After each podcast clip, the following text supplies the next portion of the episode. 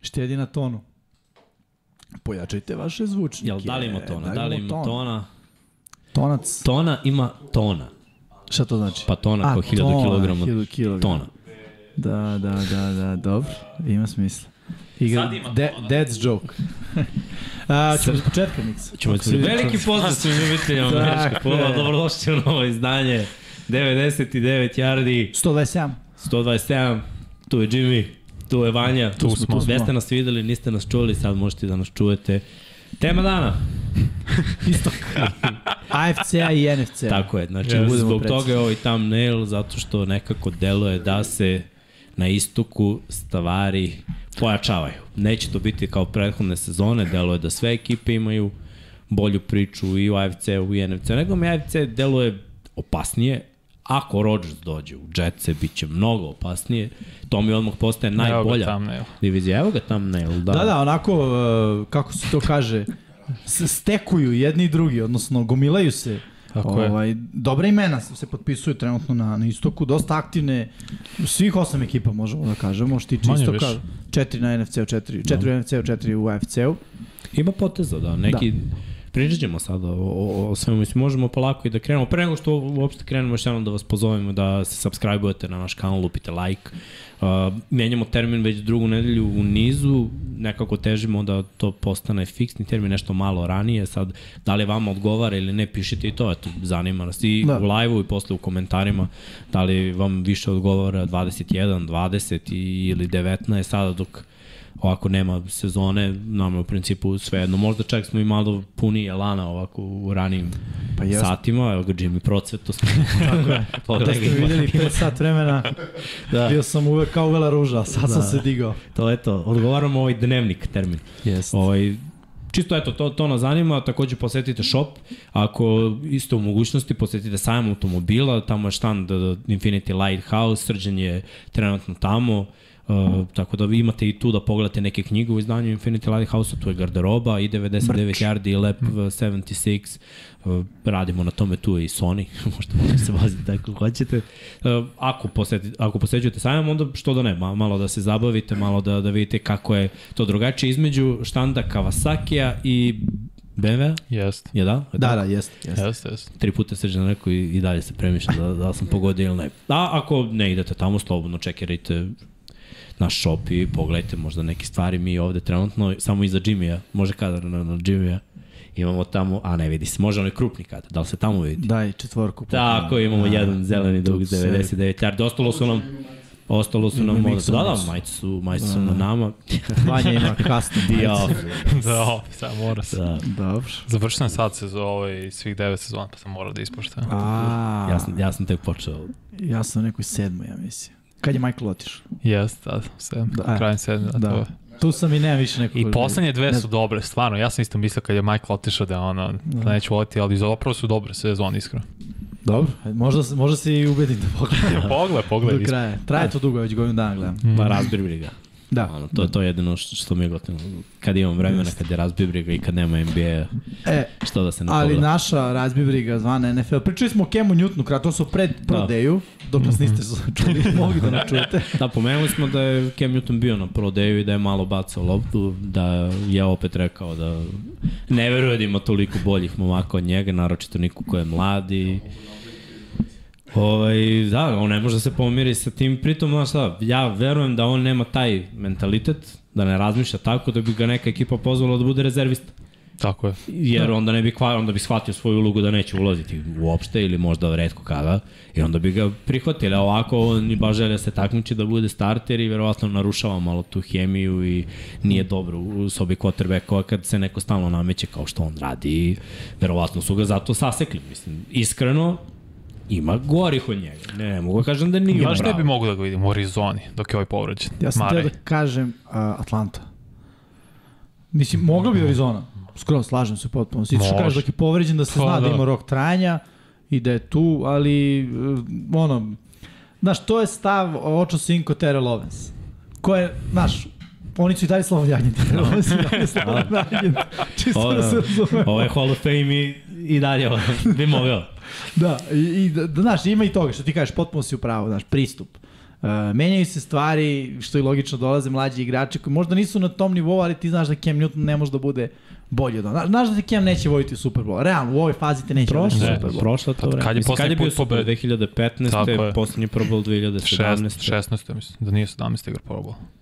17. možda imao pozitivnu Playoff. se play-off, Ej, da. možda playoff. sezonu. pričamo o 5 godina, znaš. A ne A. pričamo od toga da je imao 22 pa 27, nego on već preko 30. 32, mislim da ima sad. Poslednji trza je onaj COVID sa, Jeste. sa New Englandom, to je bila sezona kad on od COVID-a nije bio isti, ali do Isto. COVID-a je bio okej. I to je ono, bukvalno posljednje što smo videli dobro od njega. A i ta sezona je bila negativna. Seća se ono da, protiv Seattle, u imao je maltene trčanje za pobedu pre fumble, mislim. Igra je dobro, stvarno i protiv Buffalo isto. Tad je poslednji put imao i pobede, Jeste. to je prošlo tri sezona Da, tad. to, to je da kažemo bio highlight uh, oburnovog uh, prodeja. Da. Alabama imala isto prodeja, ako se ne varam. Ohio State isto, 14 da. pa nazovi članova i vlasnik Karoline, GM, trener, svi bili na prodeju CJ Strouta, mislim, pričali s njima ali večeru i sve, tako da je to onako ostalo upečatljivo. da, šta misliš? Pa to mislim da hoće, da. Da su, su oni ubedili u to. Ja ne bih, ja bi dalje Bryce Younga, uprko s njegovoj visini, veličini, konstituciji, kako god. Ja, koliko ga, ovaj, koliko ga peckaju za sve to. Sad ono kao merio se i bio je Mm. mm. 5-10 je. Mislim, Da, 178. Čekaj, nije 50, 188. 178. A, to već Da. može. Da, da, da, 178. Tako da Čupao ono, za kube, ja. Pa vidio sam ga na ono, Ja mislim da je manje od toga, znaš. Pa da nije, je u kopačkama sa 175 i kramponima? 59. Možda 177 eventualno. Da, Čekaj, tako ajde da napravimo paralelu. Ko je te visine u NFL-u? Je li to Kyler Murray? Mm, on niži je ne. od toga. Po mom mišljenju, Russell? Kyler Murray je pet, to Mm, između. Russell je 50, da. Drew Brees je bio... Ne, 6 Nije, 0 bio. 6:0, Da. da. Dobro, to pričamo, u stvari da, pričamo 3 cm, 4. Brate, nemoj No. tako. Da, ne, slažem se, slažem se, ne, ne, Kako je slažem teško nekima pređe 180, 1, 2, 3. Svaki te Pazi. nime da se računa kad si tu. Svaki sam. Vidio sam ovog Bryce Younga i on je dominirao nad odbranom George koji ima skoro sve startere NFL kalibar igrača, mislim. No. Vidio sam dovoljno na terenu da bi ga bi izabrao prvog. Može bude i, i duplo niži, ne znam kako drugačije kako su oni opišem. opterećeni, ajde tu na, na visinu manje više, mislim, ja, ja sam protiv toga, ovaj, za težinu. Da. Kako, kako su izmanipulisali, znači on se merio na kombajnu i to je bulko zato što nije radio drillove, znači samo se pojavio i bukvalno je bulkovo se da bi bio 204. Da, da bi Koliko je to? prebacio. 92? 90, Možda malo, 3? malo preko 90. ja mislim 92, 91. 3 možda. Da, Da. da. Ne, ne, mislim da nije 92, 3. No, Mislim da nije, nisam tako Ok, siguran. ok, ok. Što 225 je 100, pa skini Da, 25 je 10, da. ne, 22 je 22,5 10, je znači ovo je bukvalno 91. Tu, da, da, ok. To, to je odradio ono, za kombajn i sad se nije merio, ali sad se vratio na, na svoju kilažu. Mislim, ja to razumem. Što je šta? 190 i... Pa Ja što verujem nekih da je 85 tako, da, kila, ja- ja verujem da je možda tako. tako, 87. osam. Mislim, znaš šta, ja kao neko ko ima bazičnu kilažu koja je slična tu, ja mogu da napakujem 90, ali s 90 sam malo te ne nesposoban. Znači, deve, za tu visinu, a on je još niži od mene. Za tu visinu to, to nekako je, je previše. Onda mogu da razumem, ali te priče o kilaži, jebo, i, i Devonte Smith je bio u fazonu neukranje. mršave, mršave, ali kažem, to je neki osjećaj koji oni imaju. Znaš, Alan Everson bio najbolji atleta po mom nekom rezonovanju u svoje vreme, jer je s mojom visinom mogao kucati s dve ruke. Pritom je bio previše eksplozivan, previše brz i, znaš, svi su previše nizak. Ova je previše mršav. Vi kidaju jedan i drugi. Da, da. Znači, ni- nije uopšte do, do kilaže. Sad, da li će preživeti udarac ili ne. A šta, nismo videli quarterbackova od 260, Da. kako ga neko zgrane mm. i kako mu nije dobro. Mislim, to, to uopšte nema veze s igrom. Znači, to, te priče o težini me ne brinu. Priče o visini za quarterbacka me brinu, samo zbog mogućnosti da on vidi šta je preko. Jer ofanzivna linija, koliko smo primetili, znači, to je 6-5 i na gore. Redko koji, osim centra, eventualno, je ispod toga, ali gardovi su sve više 6-5, 6-7, 6-8. No, imaš teklova koji su kao Teklovi Slater takođe. 6-3, 6-4, znači imaš primer su- nižih. Retki imaš, su, ali- se ali razumemo. ali je opet, mislim, atlet. 192, on je 15 cm više. Tako je. Jeste, da, Znaš koliko je problem, teško? problem. Play, ja sam stajao kao, na treningu kao kube. Bukvalno sredinu, samo ti znaš šta će da se desi, razumeš, ali ti to ne vidiš. Loptu bacaš između ono Napad. kaciga ofenzivnih linijaša, ti ne možda i, ti kad digneš ruku jedino na pamet da prebacuješ, ali tu imaš rizik da lopta ode preko. Ali znaš šta, Miksa, uh, ovo što je Vanja rekao u pravu je, u smislu, on je bio na ono powerhouse programu, igrao protiv dobrih koleđa, gde su sve ono, igrači liče na NFL igrače. I bio uspešan, znaš, tako da Film je dobar, film je korektan. Mene čak Film je ni to odličan. ne brine, mene najviše brine hype i najviše me brine ceo taj trend da ono prve godine ulaziš, starter si, dobit ćemo nešto od tebe. Stvarno je teško. Jeste, teško je. I znaš šta, opet, sav respekt za koleđ, za teške utakmice na koleđu, ali čak i najbolji koleđ, koliko ima, evo, uzmi najbolji koleđ, koliko procentalno uđe u NFL? S najbolje koleđ. Uzmi Georgiju, koliko momaka uđe na koleđ? 30%. Ako gledamo 22 igrača. Tako a? gledam startere više, mislim, pogledaš poslednje dve, po, prošle godine samo iz odbrane petorica otišlo. Dobro, Ono, a, iz prošle- ih ima u timu? 50 kusur. Je tako? Gledamo A, sta, ne, misliš tim. sve ili samo starter? Pa, uglavnom, ajde Dobro, da ja gledam kažemo... procent na ceo tim. Ajde, Pravo si. da, mislim, nisu svi... Koliko je bilo draftovano sa Georgije prošle godine? Bilo 15 igrača. Pa tako, nešto To je tako. trećina otprilike. Tako je. Znači, nisu svi, manje. nisu svi kalibar NFL. Dobro, Ovde nisu, ovo je i, ipak pazi, elita. No? nisu i nisu mogli možda te godine da izađu. Kao što Ima imaš Marvin tako Her, je. Harrison bio je isto Ohio Dobro, State, okej, on dečko, znaš šta su rekli njega? To je kao kad gledaš novi. Lamborghini koji tek treba sledeće godine da izađe. Ti samo došao ga gledaš ovako da uživaš. Ali to je to, mislim. Ja, ne, on kida Ima sve stoji. Sve da. stoji. Ima i toga, hoću da kažem samo da su mnogi bili jako dobri na, na koleđu, mm -hmm. da su dominirali, osvajali. Da. Ne samo Heismanu. Znači, ko je poslednji ko je osvojio, bio osvajač Heismanovog trofeja, deliverovao i prebacio se u NFL bez problema. Čabara. Da, A pred njega, da ćemo da se setimo samo ko je. teško. Baš ono, razmisli, Cam. razmisli, I, a kad je Cam? 2011. 2011. Znači, Možda pazi koji- Andrew Luck, ne znam da li je on bio Heisman osvajač. Da Jaz, brate, 10 godina. Od, a svi su igrali našu jak. Nije, ne može ta tranzicija odmah. Naročito Slažem ne u timu koji je u rebuildu, novi trener, na, mnogo informacija, mno, na, sve je drugačije, sve Ti je znaš šta je ključna stvar? A, pristup. Ono što je dobra stvar je kada draftuješ igrača sa Alabame, mada ne nužno hvatača, realno, imaće dobar pristup. A dobro što ne je nužno hvatač. Pa Jerry Judy. Pa dobro, mislim, imaš Pa, primere Henry Amari. Coopera, imaš primer Imaš, ovog, ali uh, gledam kako se poslednjih- zove, Kellen Ridley, dobro, okej, E, razumeš. imaš, uh, Znao si kako se zove, primer. Julio Jones, ne, imaš primere, Ima, ne, nimaš, ali pogledaj poslednjih par godina. Znaš, uh, zašto to kažeš? Zato što gledajući kakvi su generalno ono, trendovi globalni, ne mislim samo na futbol, nego mislim na mm Mhm. -hmm. ono, uh, uh, lifestyle i šta ja znam. Znaš, dosta se pumpa priča, dosta je to hype ovaj, mm Mhm. -hmm. uglavnom. I pogotovo te pozicije kao što je hvatač, recimo. Skoro sam vidio neki, neki video koji je jako zanimljiv gde priča o onome prolific testu koji rade. Dobro. Uh, Wonderly, Wonderling, da, da, da. test, da, da, koji rade svi igrači, recimo najmanji skor imaju rani bekovi hvatači. E, ništa, znači, ono, najmanji što ne mora znači da je nula, samo Da, najmanji, mislim, logično. Ali nekako ono, kada uklopiš u celu priču, uh, ima, ima smisla, hoću da kažem, dosta je tog hajpa, ali da se vratim na, na originalnu tezu. Kada draftuješ quarterbacka sa Alabama, znaš, to je dobar program, to je program gde, ono, igraš ako imaš dobar pristup, nisu oni neki program koji će biti taoci bilo kog igrača, imaju toliko talenta, ono, top Tako je. talent Amerike ide tamo, mislim. Stvarno mogu da biraju i da stave ne najboljeg igrača, nego onog koji je trenerima ispunio radnik. očekivanja koje su, koje su oni žele. I Bryce Young to jeste, znaš, kao što je bio Jalen Hurts u jednom trenutku. Tua, Tua možda igrački ovako i onako, ali Tua je radnik. Osjećam se na, na, na taj Da. da. moment, znaš. Sa druge strane, Ohio State, ne mogu da kažem, i to je dobar program, ima i oni talente, ali nekako meni u glavi ono više nekih problematičnih tipova uh, igrača kada dođe u NFL je možda sa Ohio State-a. Ne kažem da je to priča CJ Strauta, Misliš na quarterbacku ili generalno? pa generalno, ali na Mislim, defanzivni endovi, ja ne mogu kažem, to su Joey Bosa, Nick Bosa, Chase Young, znaš, oni imaju Okej. cornerbackovi manje više, Jeste, isto. ima, ima ti, ono, opet kažem, nije to nikako pravilo, ali e, to su sve dobre stvari kada pričamo o tim velikim programima, ono, već postoje neki sistemi koje su se ti igrači uklopili, čim, čime, e, zapravo, činjenica da su bili starteri godinu ili dve dana, ide im u prilog da su da imaju dobar pristup. Jer ključna stvar da bi uspeo NFL je pristup. Nije Slažem ni koliko si visok, ni koliko si težak, ni koliko guraš iz benča, Slažem, slažem. nego pristup. Da Ja- si spreman da radiš više nego ostali, da se posvetiš više nego Ja samo od quarterbacka želim da on savlada igru u prvoj godini. Ne mora timski Teško uspeh. manje. Samo da vidiš napredak ono iz meča u meč, da vidiš da Teško. bolje čita odbran i tako. To želim kao Teško, neku teško. vrstu napred, kao što sam video od Herbert prve godine, od Barova prve godine. Znaš, ok, Hrc mu je trebalo godinu dana, ali se on uhodao posle. Takav napredak želim da vidim. Da, ali opet pričamo o nekom talentu Herberta, talent ruke i koliko je on bio u- u situaciji da kad je izobran, ko je od nas, mislim ko je od nas, koji od svih Niko. video njega kao starter od prvog dana. Znači pritisak, pritiska nije bilo. On je ušao na kamp kao rezervista I odmah im, bilo mu je lakše. Znači, u toj situaciji kada nisi starter i kad uđeš u igru, mislim, ti nemaš sad da izgubiš. Dobro, ubačen je 5 minuta Ne, ne, pred znam, meč, nije ali to ne prvi meč protiv sezone. Chiefsa drugi meč. E, Znam, ali znaš šta, opet je nekako lakše. Veruj mi, kada si starter i, i kada moraš da se dokažeš, a kada ti neko grize da ti uzme poziciju, ti kao rezervista koji ulazi, ti uzimaš poziciju. Posle toga si lagani, mindset ti je drugačiji. Ovako si izabran kao, i još on je izabran kao prvi drugi.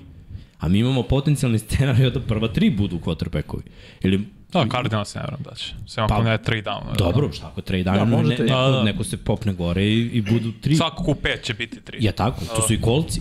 Mislim, Ko sigurno moraju da uzme. Znaš, ja kad pogledam toliko quarterbackova kad je bilo pre nekoliko sezona i sve je bio fail. Manje više. Manje više. Znači, mi trenutno najbolje quarterbackove u ligi, evo Mahomes nije u prvih pet. Ko je bio 10, tako, tako. 11, 12, Herbert 6. nije u prvih pet. Uh, Jalen Hurts je druga runda. Znaš, ti kad pogledaš Dobre, sam... Lorenz je bio Pik, prvi da, pik, ali mislim, ali- ali... on ima jednu dobru sezonu. Jeste, da ga stavimo, ok, to je potencijal. Da. Burrow je bio Mislim, prvi i pik koji je Hrc ima opravdao. jednu dobru sezonu. Mislim, to je ova.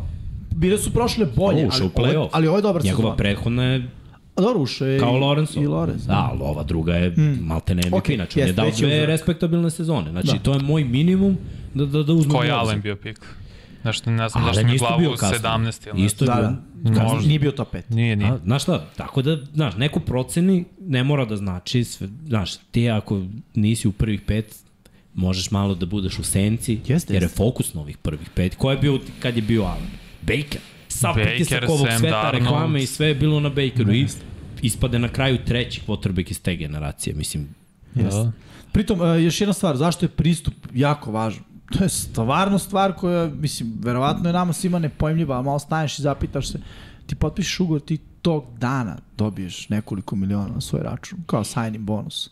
I imaš milionsku platu već, znaš, kao to kao pik prve runde, kao top 5, kao quarterback. Mm -hmm. Koliki god da su to ono, manji ugovori, ne pričamo 20 miliona po sezoni, ali pričamo o milionskim ugovorima. Sad, zamisli sad, svako od nas ovde je ono običan čovjek, a sutra si milioner. Kaže veliki Srki zamišlja. Ne, znaš, to je isto stvar. Kako trošiš pare? Da li ideš postaješ bahat lik, ostvaruješ neke svoje neostvarene snove u detinjstvu i lečiš neke komplekse, mislim, realno, zato je bitan pristup. Zato je Složio bitno da taj se- neko bude, uh -huh. neko ko kaže, ko, kog to ne menja, nego cilj koji ima u glavi, a to je ono, ja ću budem lik koji menja igru i koji... I da napredujem kod Tako je, da napredujem ja, da napreduje ekipa i da dovedemo ono neki po- boljitak. Pa složim se prethodnih godina, sad je i njima krenulo lovo već na koleđu. NIL dealovi za sve to i no. Bryce Young je prvi dobio mnogo para. Mislim, dobio je milionski, nije ugovor, ali od sponzorstva sve sa Alabama, on je dobio već i osetio neke pare. Mislim, no. svi oni koji će tek dolaziti i sad dolaze, osete neke pare, pa i možda i bude s toga lakše, ono kao, ok, ni, vidio sam do nekle ovo, ne moram sad da se bahatim, daj da uzem još više da bude, što ti kažeš, pristup Da. da. na maksimalnom nivou.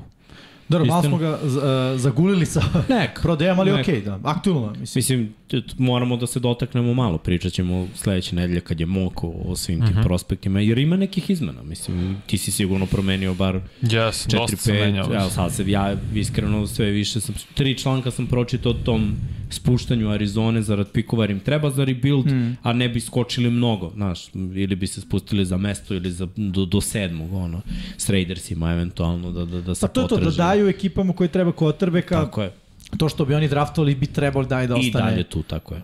Dosta. A, ništa, naslov je istok, ja bi da se bacimo odmah na, na istočne divizije, krenuo bi od AFC-a i da pričamo o ljudima koji su pojačali diviziju, naravno posle toga ćemo pričati o ovim drugim koji su još došli u neke druge timove, ima i trejdova, ima i tih nekih potpisivanja, ali Ćemo da krenemo od, pa ja bi od Buffalo. Ajde. B. A, B. Buffalo. B1, Buffalo. A, B1 Buffalo bira uh, Damian Harris iz New England. da. To je, to je potez koji je onako malo iznenadio, međutim Harris nije igrao prošle godine, prošle godine smo gledali Ramondera Stevensona uglavnom. Mm -hmm. Što Bili su igrao? to neki pokušaj, pa ne znam, znaš, u Mislim da je Englandu, bi, Bilov način. Nema running backa koji gura tri godine kod njega, realno. pa im, ima i toga, da. Sonny Michel, seti se isto treće godine već je krenuo se rotira, već da. to bio Demi Harris. Iako je bio da produktivan. Jako je bio dobar, da. Ali Damian Harris je imao ono dobru sezonu i bilo je povreda, ne mogu kažem da nije, ne mogu grešim dušu, on je imao problema sa zadnjom ložom. Ovo, to je bila njegova, mislim, povreda koja može najviše da te puta kao sprintera, povreda da. zadnje lože, jer s njom ne znaš, znaš, ti iskreneš zglob dve nedelje, tri nedelje, mesec dana, zadnja loža, Verovatno mesec dana, ali... Možda se vraća. da. Znaš, on, ne znaš. I možete secne opet. Evo ti Keenan Allen, na primjer. Koliko je propustio, znači bukvalno dva meseca čovjek nije igrao zbog povrede zadnje lože. Neko bi se vratio za 10 dana. Ne, nema pravila, znači bukvalno to je kako tvoje telo odgovori. Da li mislim da Damien Harris ima u sebi još uvek snage? Mislim da ima. Uh, verovatno su bili se razmišljali, ok, na onoj utakmici gde je Mac Jones bacio tri puta, Damian Harris je istrčao sa istegnutom zadnjom ložom preko 100 yardi. Da, nije to bilo ove godine. Ne, to je bilo... Pre one tamo. Pre, da, pre dve. Uh, Da, e, ali ono što je isto na temu toga da li ima to u sebi. kada Bill pusti nekog igrača, to jest kada odi iz Patriota, obično sezona ne bude dobra. N nije pravilo, ali je ono 90% slučajeva pravilo. Uh, ja mislim da Demi Harris to ima u sebi. Zaista. Ali on neće biti mislim, starter, po mom mišljenju. misliš, Šta će Kuka Ja biti? mislim da, da je vreme, da, birali su Jamesa Cooka s razlogom. Pritom on je eksplozivni, ali nije dovoljno fizikalan. Uh, Singletary je bio shifty back. On tek nije fizikalan. Znači, on ali se provlači fizikalni od kroz... Kuka bio definitivno. Pa da, ali naš Cook bi mogao da poradi Mislim- na tome, pritom ima eksplozivnost i onda dovedu Demona Harrisa koji je definicija fizikalije. Jeste, ali je dobar hvatač isto. Pošto svi bekovi New Englanda realno dobri hvataju, hvataju all, loptu. all, all around back koji su ja bi ovo pisao kao do, plu, veći plus za Bills nego što je minus za Patriote. Oni njima maltene i potpisali su i James Robinson, njima nijedan ne treba Harris, ali ok, oni su već popunjeni i ovo može da bude plus za Bills. Ne mora znači. Jeste, ja zato mislim da, i zato bih dao prednost Harrisu u odnosu na Kuka. Sve stoji, Cook je draftovan, ima razlog, sve. Harris nije, mislim, nije mator. O, on je ispod, 26, ja da, da ispod ima. 30 godina, 26, to ono što smo rekli, to je ta ključna godina za running backa. Uh Mhm. -huh. uh, video dosta igre, uh, to je, ostaje u diviziji, što mi je jako zanimljivo. Pogotovo što ima ona priča da igrači kad odiđu njega da žele da im se osvete, jer nije zabavno biti deo njega. Da, mislim, pobeđuješ i imaš uspeh, ali nije zabavno. Ono, ni- nije za svakoga. Uh, I moja neka procena će on biti starter. Uh, jer je produktivniji. Ima taj power moment, ok, istina, nema on sad previše tu katova levo-desno, ali ajde da, da se osvrnemo na generalnu igru trčanjem Buffalo Billsa. Josh Allen je bio uspešniji ne zato što je džuskao levo-desno, nego zato što, znaš, ono, ide kroz ljude, ide kraćim putem i dizajn akcija, naravno, bi trebalo po meni da ima više smisla za Harrisa nego, nego za Kuka. E sad opet, Mislim da će to biti ono one two punch klasičan, pa Pa da će da. oni promeniti u tom, st- jer Buffalo mora da se više angažuje po pitanju i trčanja. sam ugovor koji on potpisao meni govori da je to kao back godinu dana.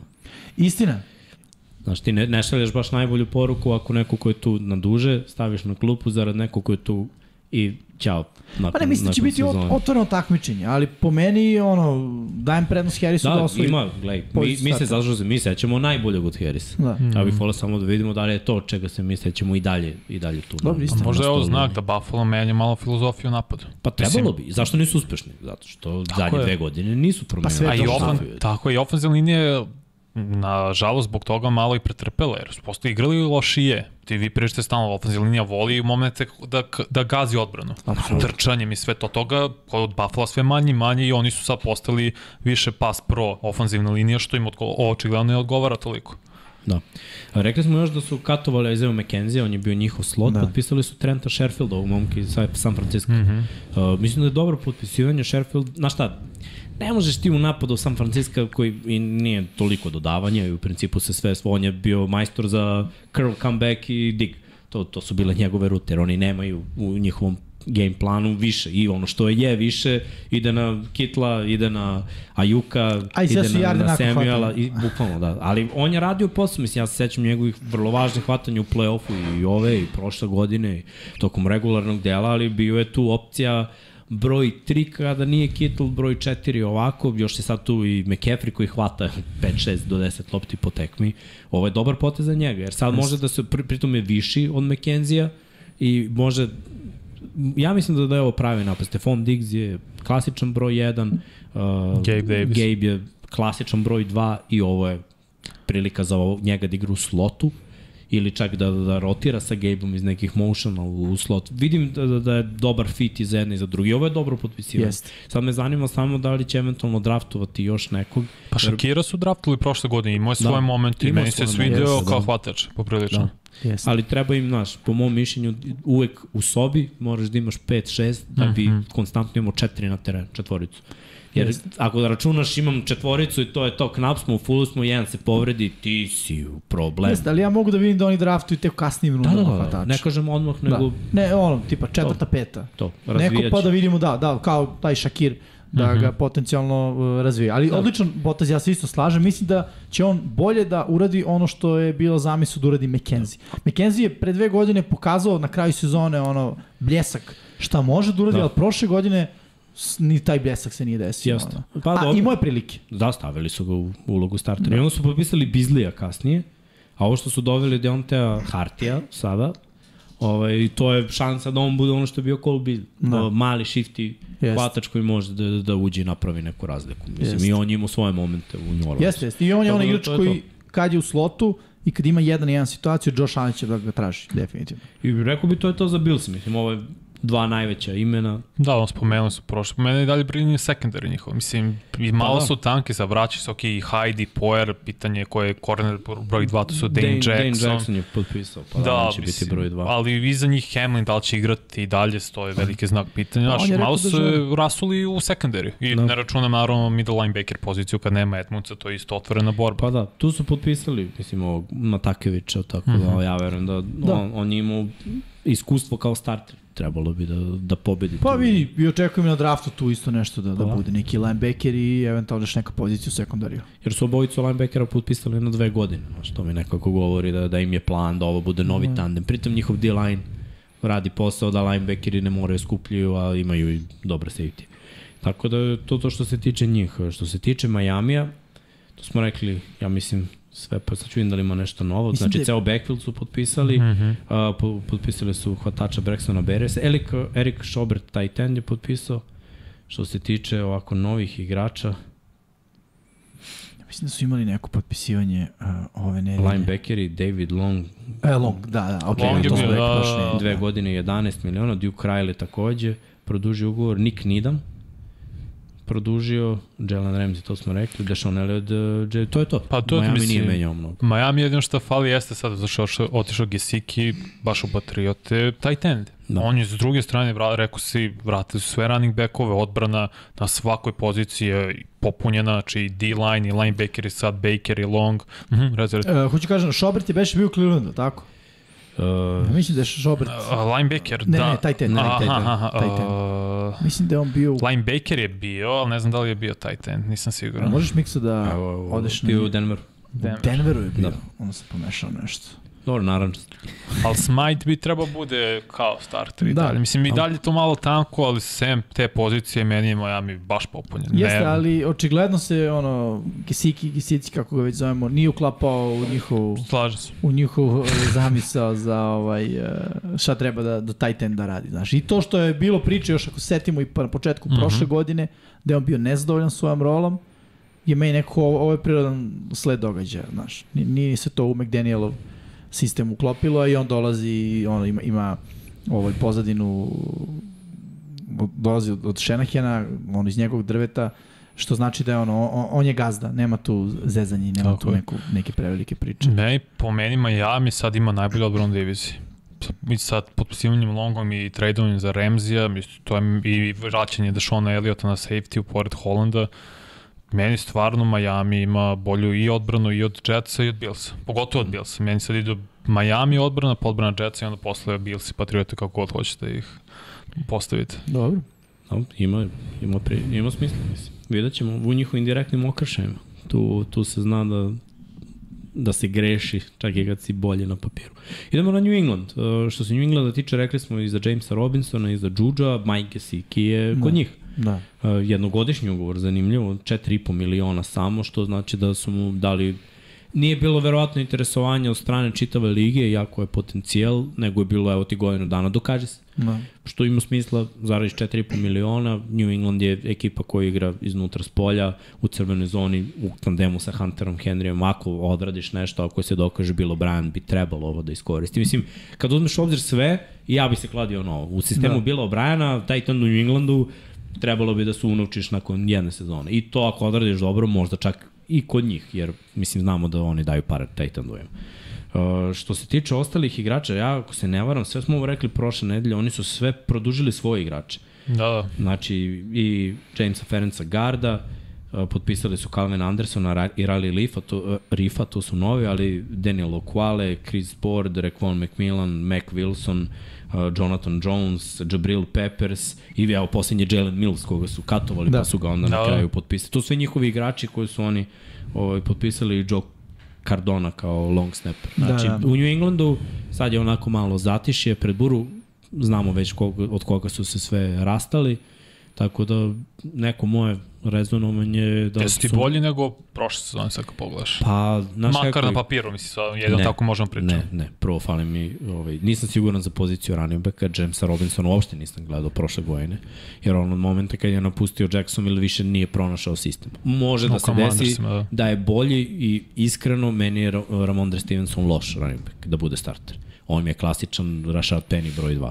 Krupan bek koji odradi posao, ali ne može on da nosi igru. Znači, nema staminu, nema izdržljivost i videlo se prošle godine da, da je to ono 2-3 yarda u proseku, to mi se uopšte, ne, ne leži mi to, mislim da New England mora da ima drugačiji tip. Što se hvatača tiče, Juju može da ti donese nešto što Nelson Aguilar nije, to je ta neka fizikalija u tim kratkim rutama, jer Juju stvarno zna da uhvati loptu i da, i da dobije udarac i te neke stvari videli smo i u stvari u play-offu i u Super Bowlu s Chiefsima.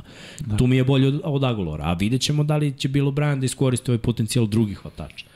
To, to mi je onako pitanje. Ostali su bez Myersa, Šta je, šta je ideja? Kendrick Bourne i, i Devonta Parker. Ako mm -hmm. je to ideja, onda daj, da, mora bude distribucija lopte da bude baš dobra. Dobri dva tight enda, mislim. Da, da, da. Koji su hvatači. Stoji. Ali, znaš, ako ne zna da iskoristi, džaba mu, džaba mu sve to. Ko, Bill O'Brien? Da, da. Ma, To mislim me da zanima. znati. To me zanima. Samo da vidim. Zato ne znam na papiru da li je bolje ili ne, jer ako nema trčanja i ako se osloni na Meka Jonesa, znaš, bilo O'Briena smo gledali sa Dešonom Watsonom da je znao da koristi sve, ali Dešon je malo talentovaniji bio u tim prvim danima od Meka Jonesa, po mom mišljenju.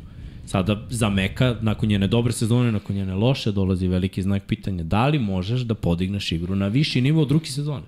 Jer ako ne možeš, onda si backup u NFL-u. Mislim, ni to nije loše, ali onda za New England je jasna poruka, traži quarterback. Traži Da. quarterback. Traži quarterback. Znači, to mi je u stvari najveći znak pitanja. Meni dalje najveći znak pitanja je u odbrani edge, pre svega neko preko puta Judona i neko u sredini. Od, od te Hightowera nema to. Samo to, to. u napadu mi se sviđa što su radili, stvarno, i mislim da Judo je uh, upgrade i naravno Gesicki zajedno sa sam mi pobeže misle kako se zove drugi tight end. Hunter Henry. Hunter Henry što igra u Chargersima. Mislim da će imati bolju sezonu svakako. Zaboravio si ga što igra u Chargersima. Da, da. Yeah. Samo potisnuli. On je momak neki to. Neki 86. Ja stvarno mislim da će biti bolji. Mac Jones i vi sviđa mi se i u ofenzivnoj liniji im i dalje je vrlo dobro, tako Patriote imaju do, dobri su, sad ne znam da li mogu da budu odlični. To je jedino ono, da li mogu taj korak da naprave. Pazi, vidjet ćemo. Do, dosta toga je vraćeno od te ekipe, pre svega trenerske. Mislim, isključivo mislim na to. Kad su Patriote imale taj uspeh. Naravno, Brady je, je velika stvar u, u celoj toj priči. Ali e, drugačije se osjećaš kao ono, trener kad radiš s ljudima koje poznaješ i koji znaš šta možeš da očekuješ. Ne kažem da Bill nije znao šta očekuje od ovih ljudi, sigurno zna da izabere svoj stav.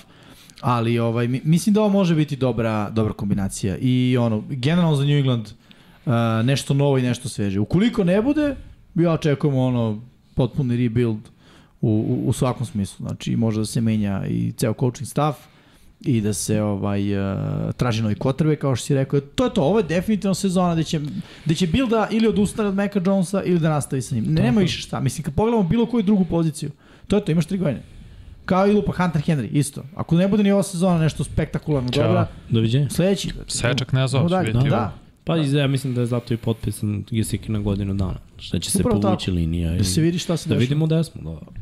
Uh, idemo na Jets. Idemo na. Najuzbudljivija ekipa. Da, uh, oni su Moore, to je ono o čemu Da. da. sam ja pričao, da me brine njihov hvatački korpus, jer na Mimsa ne računam, mi je bio neiskorišćeni potencijal, ok, ne mogu ni da ga krivim, nema s kim.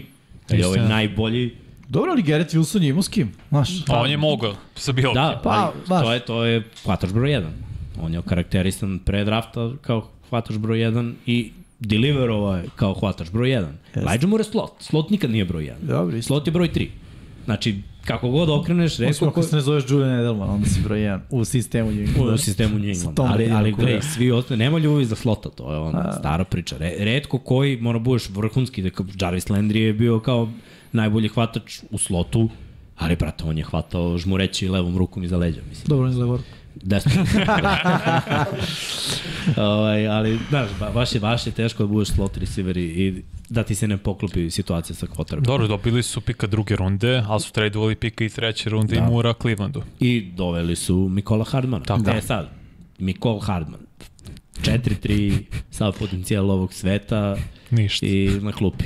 Je, je, uvek neka povreda. Znači, da su leđe kuk, zadnja loža, list, skočen s glov, nešto je uvek. Je- ne, ne mogu da problem. se, da se definiše, znaš, Cole Hardman igraš sa Mahomesom i karijera ti je, ah, znaš, ono, misliš, šta, Povrede. šta da očekuješ? A nisu samo ni povredi, kad je zdrav, znaš, nisu, ni, ni, ja nisam vidio nikad taj potencijal. Ja mislim da on Jimmy nikad nije zdrav. To je ono preveliki pritisak da moraš da, da isporučiš i uvek se vraćaš pre oporavka. Jer, mislim, ti momci, gotovo uvek ti najbrži momci koji su onako malo taj, znači stvarno je redko da nađeš neko ko je kao taj Hill kompaktan, Da. s tom brzinom. I očigledno njegovo telo, njegovi mišići, sve mogu da izdrže. Ali uzmem Johna Rossa koji je oborio rekord Da. da. na kombajnu, koji je tanak i prebrz. Mm. Jednostavno, izgleda da njegovo telo ne može da izdrži to skretanje, usporavanje, Igru. promene ritma sa, sa tom težinom pri toj brzini. Da. Znaš, isto kao u košarci, na primjer, John Wall, seti se, brate, koliko je bio brz.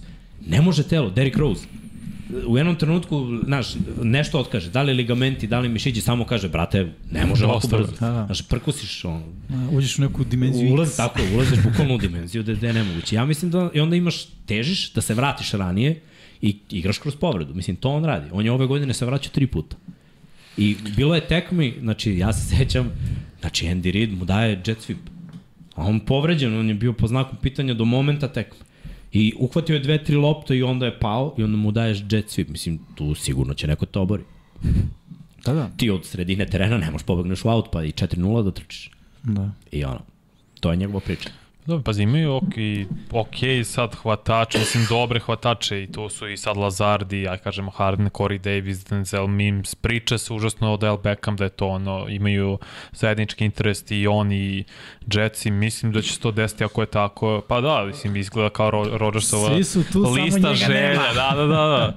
Mislim da to pravi iskreno Packers je veliku grešku, jer on, svi znaju da oni njega ne žele više, on ne žele da bude tamo, njima je cap udara 60 miliona, mislim da Jetsi samo trebaju da čekaju i kažu, ok, nećemo dati pika prve runde sigurno, to ne dolazi obzir za neko ko je rekao da će možda da ide u penziju, pre tri nedelje, a sad se vraća, to ne pada na pamet. Mislim da su zato i tradovali Mura za pika druge runde Clevelanda da bi to utopili uz još nešto za Rodgersa, koliko to banalno zvuči tako malo za njega, ali to je realnost. Ne, realnosti nema, pa mislim igraći godinu dana, 60 miliona mu je ugor naredne godine, svi znaju da pa on neće biti u Green Bayu, Jets samo treba da sedi da čekaju, mislim, nema šta oni Jeste, da... ali jesi kupao nekad stan, Vanja? Nis, nadam se da će uspeti. Znaš, imaš one prodavce koji kažu, meni se ne žuri. Dobro. Znaš, ne znam, znaš, ti kažeš, ono, E, spusti pa hiljadu, brate. Neće. Žuri. njima ide 60 miliona da, na živi. cap. Pa okej, okay, znaš, to je Green Bay. Mislim, hoću da kažem, možda grešim, ali e, zar nije čudno? Mislim, znaš, stekuješ, dovodiš sve to, sve te hvatače, a njega još nisi doveo. Mislim da je Da, pa sastanak vlasnika da li sad za vikend ili u nekoliko dana. Mislim, Mislim, da, postoji dalje put u kome Rodgers neće doći u Jets. Postoji, Možda neće naravno. igrati uopšte. Ja verujem samo da, da, da, znaš, do cene. Do toga šta traže Packers Da. i šta ne dobijaju. Mislim, jer ovi vjerojatno traže više, njihovo je, znaš, ti, ti ga traduješ, to je tvoje vlasništvo, mislim, vlasništvo, mora kažem tako. Ugovor, ugovor. Ugovoriš Da, da. mislim, Nije vlasni ti, čoveka, ti, samo ugovor. Ti biraš, znaš, ako ti misliš da vredi dve prve runde, ovo možda kaže on vredi sedmu rundu, ja mislim da vredi ovoliko, ako ti se ne sviđa, pa Zadrži. to je to. Se ne žuri. Mislim, ima smisla. kome se ne žuri? Patriot, pa, Packers. Packersima, pa da. Okej, ali oni će... Uvek potvrde ali- parazi, sad pa, Oni će- paza. Ali na kraju,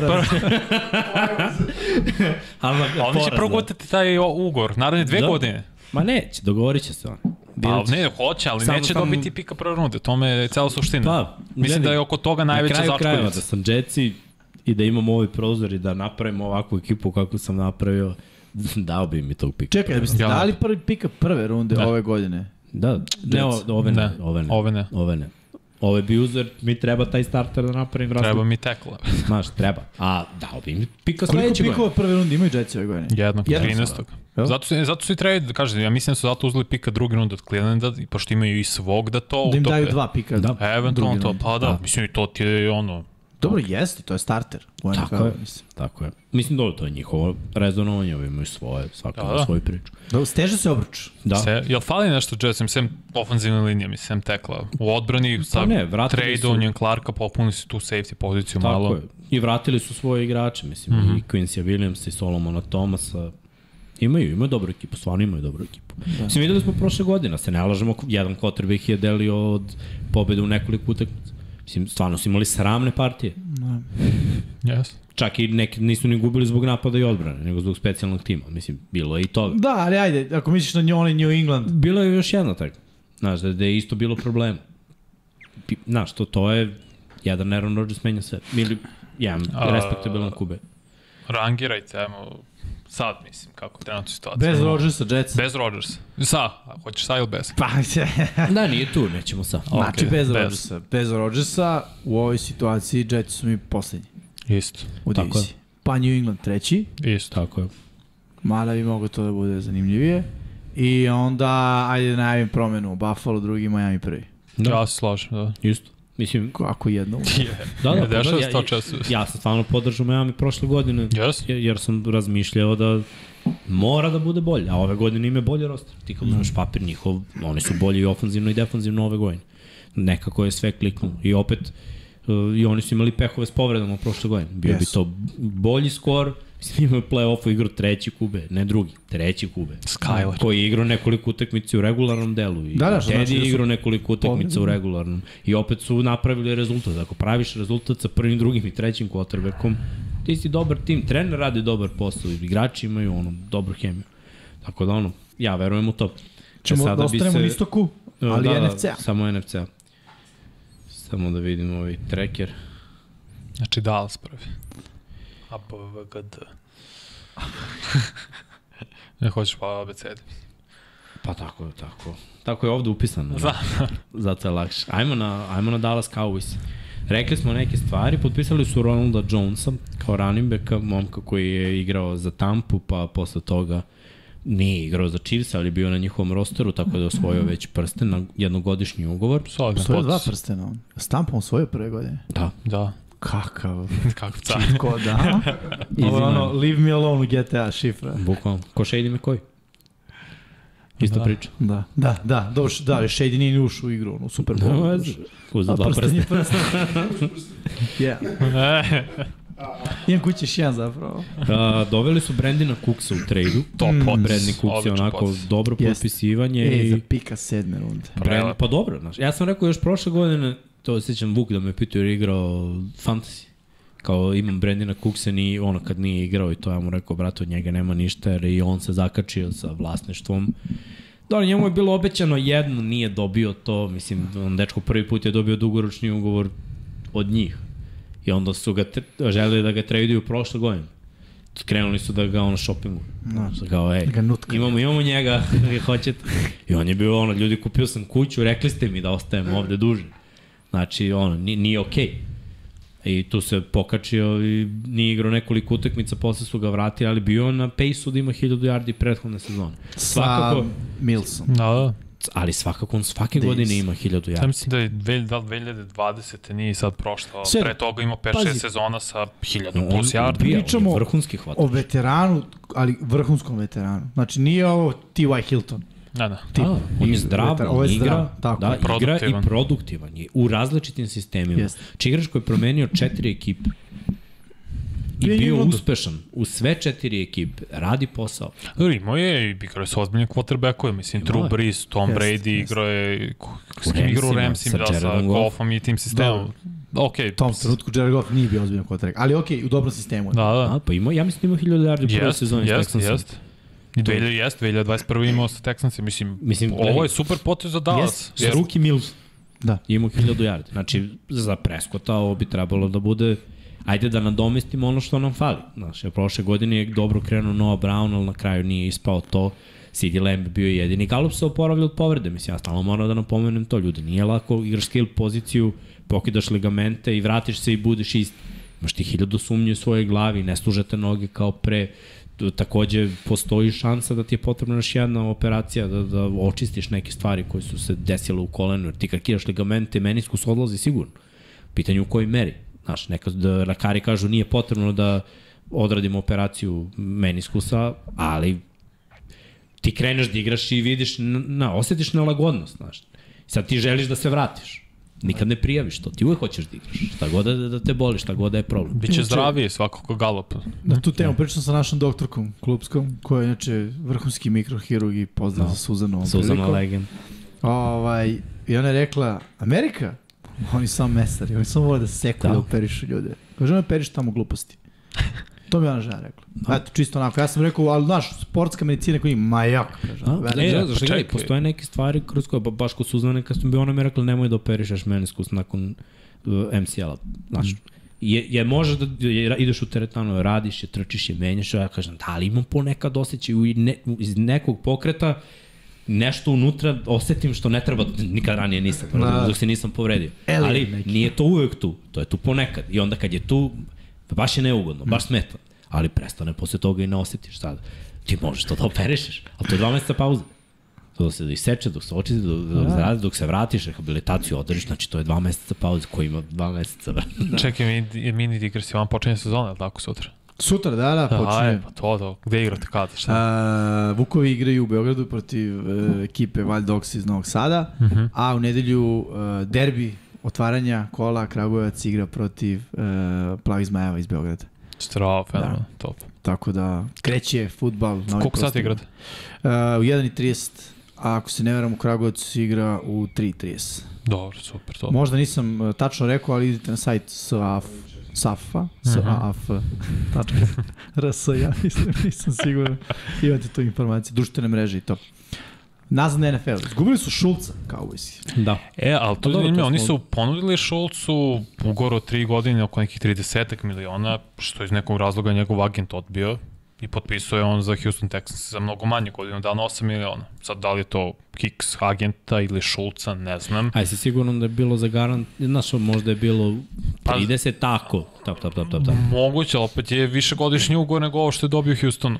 I ja bih, da. mislim, velika razlika. Nije da ga nisu hteli, to da, da se razumemo, on je odbio ugovor. Da, ja bih uvijek bio više godišnji nego jednogodišnji, osim kada te baš ponize nekom ponudom, a ti imaš priliku da se dokažeš. E sada, opet kad ideš da se dokazuješ, negde ne ideš u Houston. Zato ti kažem. Jer ta sezona, mada, što Jimmy reče, jednom, Houston ima neku tendenciju da taj tendovi budu produktivni i to, ta, to traje već nekih 7-8 godina. Pritom sad dolazi Demico Rans, ja verujem da je njegova filozofija ono, run first, ako je run first, onda je play action, ako je play action prva opcija uvek tight end. Da. Ako je pokupio bar nešto vamo iz San Francisco i svoju ekipu, mm -hmm. Scott kao tako, tight endovi su uvek produktivni u takvim sistemima. Mislim, tight end je tu najbitniji igrač. A vidi, Šulc je dobar bloker. Jeste, da. da. da. Mogu da kažem ovako, blizu je uh, Kitlovih fizičkih sposobnosti. Znači, nije George Kittle. Nije, ali je nije. blizu i za razliku od Kitla, ako se ne varam, zdravije od Kitla. Da, da, pa zato što... Duži, misli, više igra. Ne igra na taj način. Ne da, igra toga, toga čuva. Da, jeste. E sad vidjet ćemo kod Ryansa ako to bude bila filozofija. Malo sam iskreno očekivao da će tržište za tight endove biti ozbiljnije, da će dobijeti bolje ugovore. Sad baš i Gesiki i Schultz su dobili baš, mislim, mogu, ok, 8 i 6 miliona nije malo, ali je smešno za ono što smo očekivali, da će biti višegodišnji ugovor mm. i neki naš u 25-30 miliona, ovo je baš neko da je tržište se samo spustilo. Znaš šta, malo nije se spustilo tržište, nego su potpisana tri najbolja tight enda. I onda su nas oni prevarili.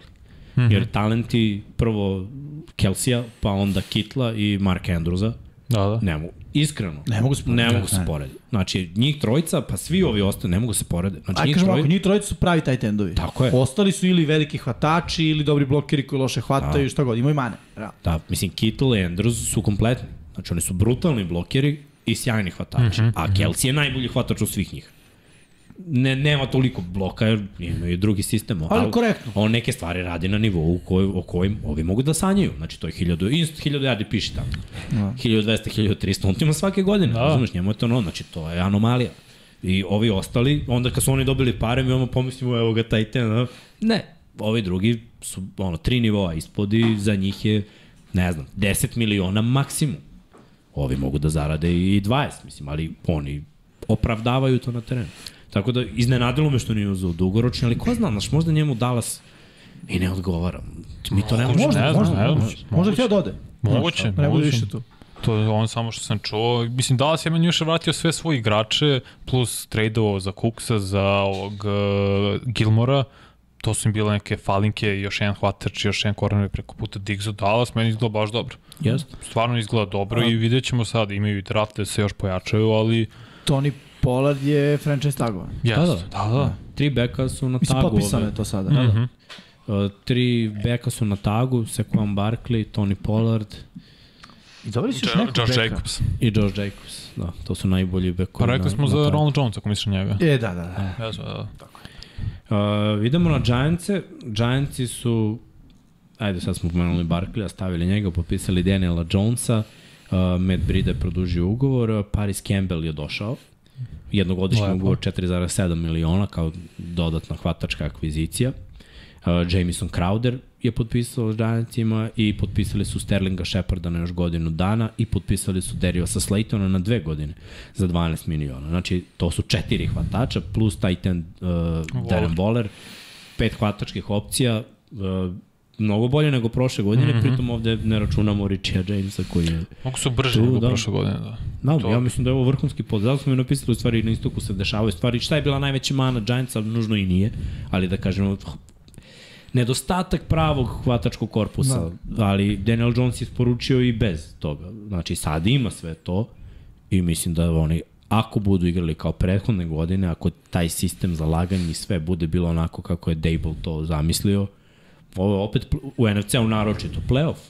Jeste. Mislim, verovatno za, za sve tri ekipe. Čak šta više, Giantsi mi deluju na papiru bolje od Dallasa sad.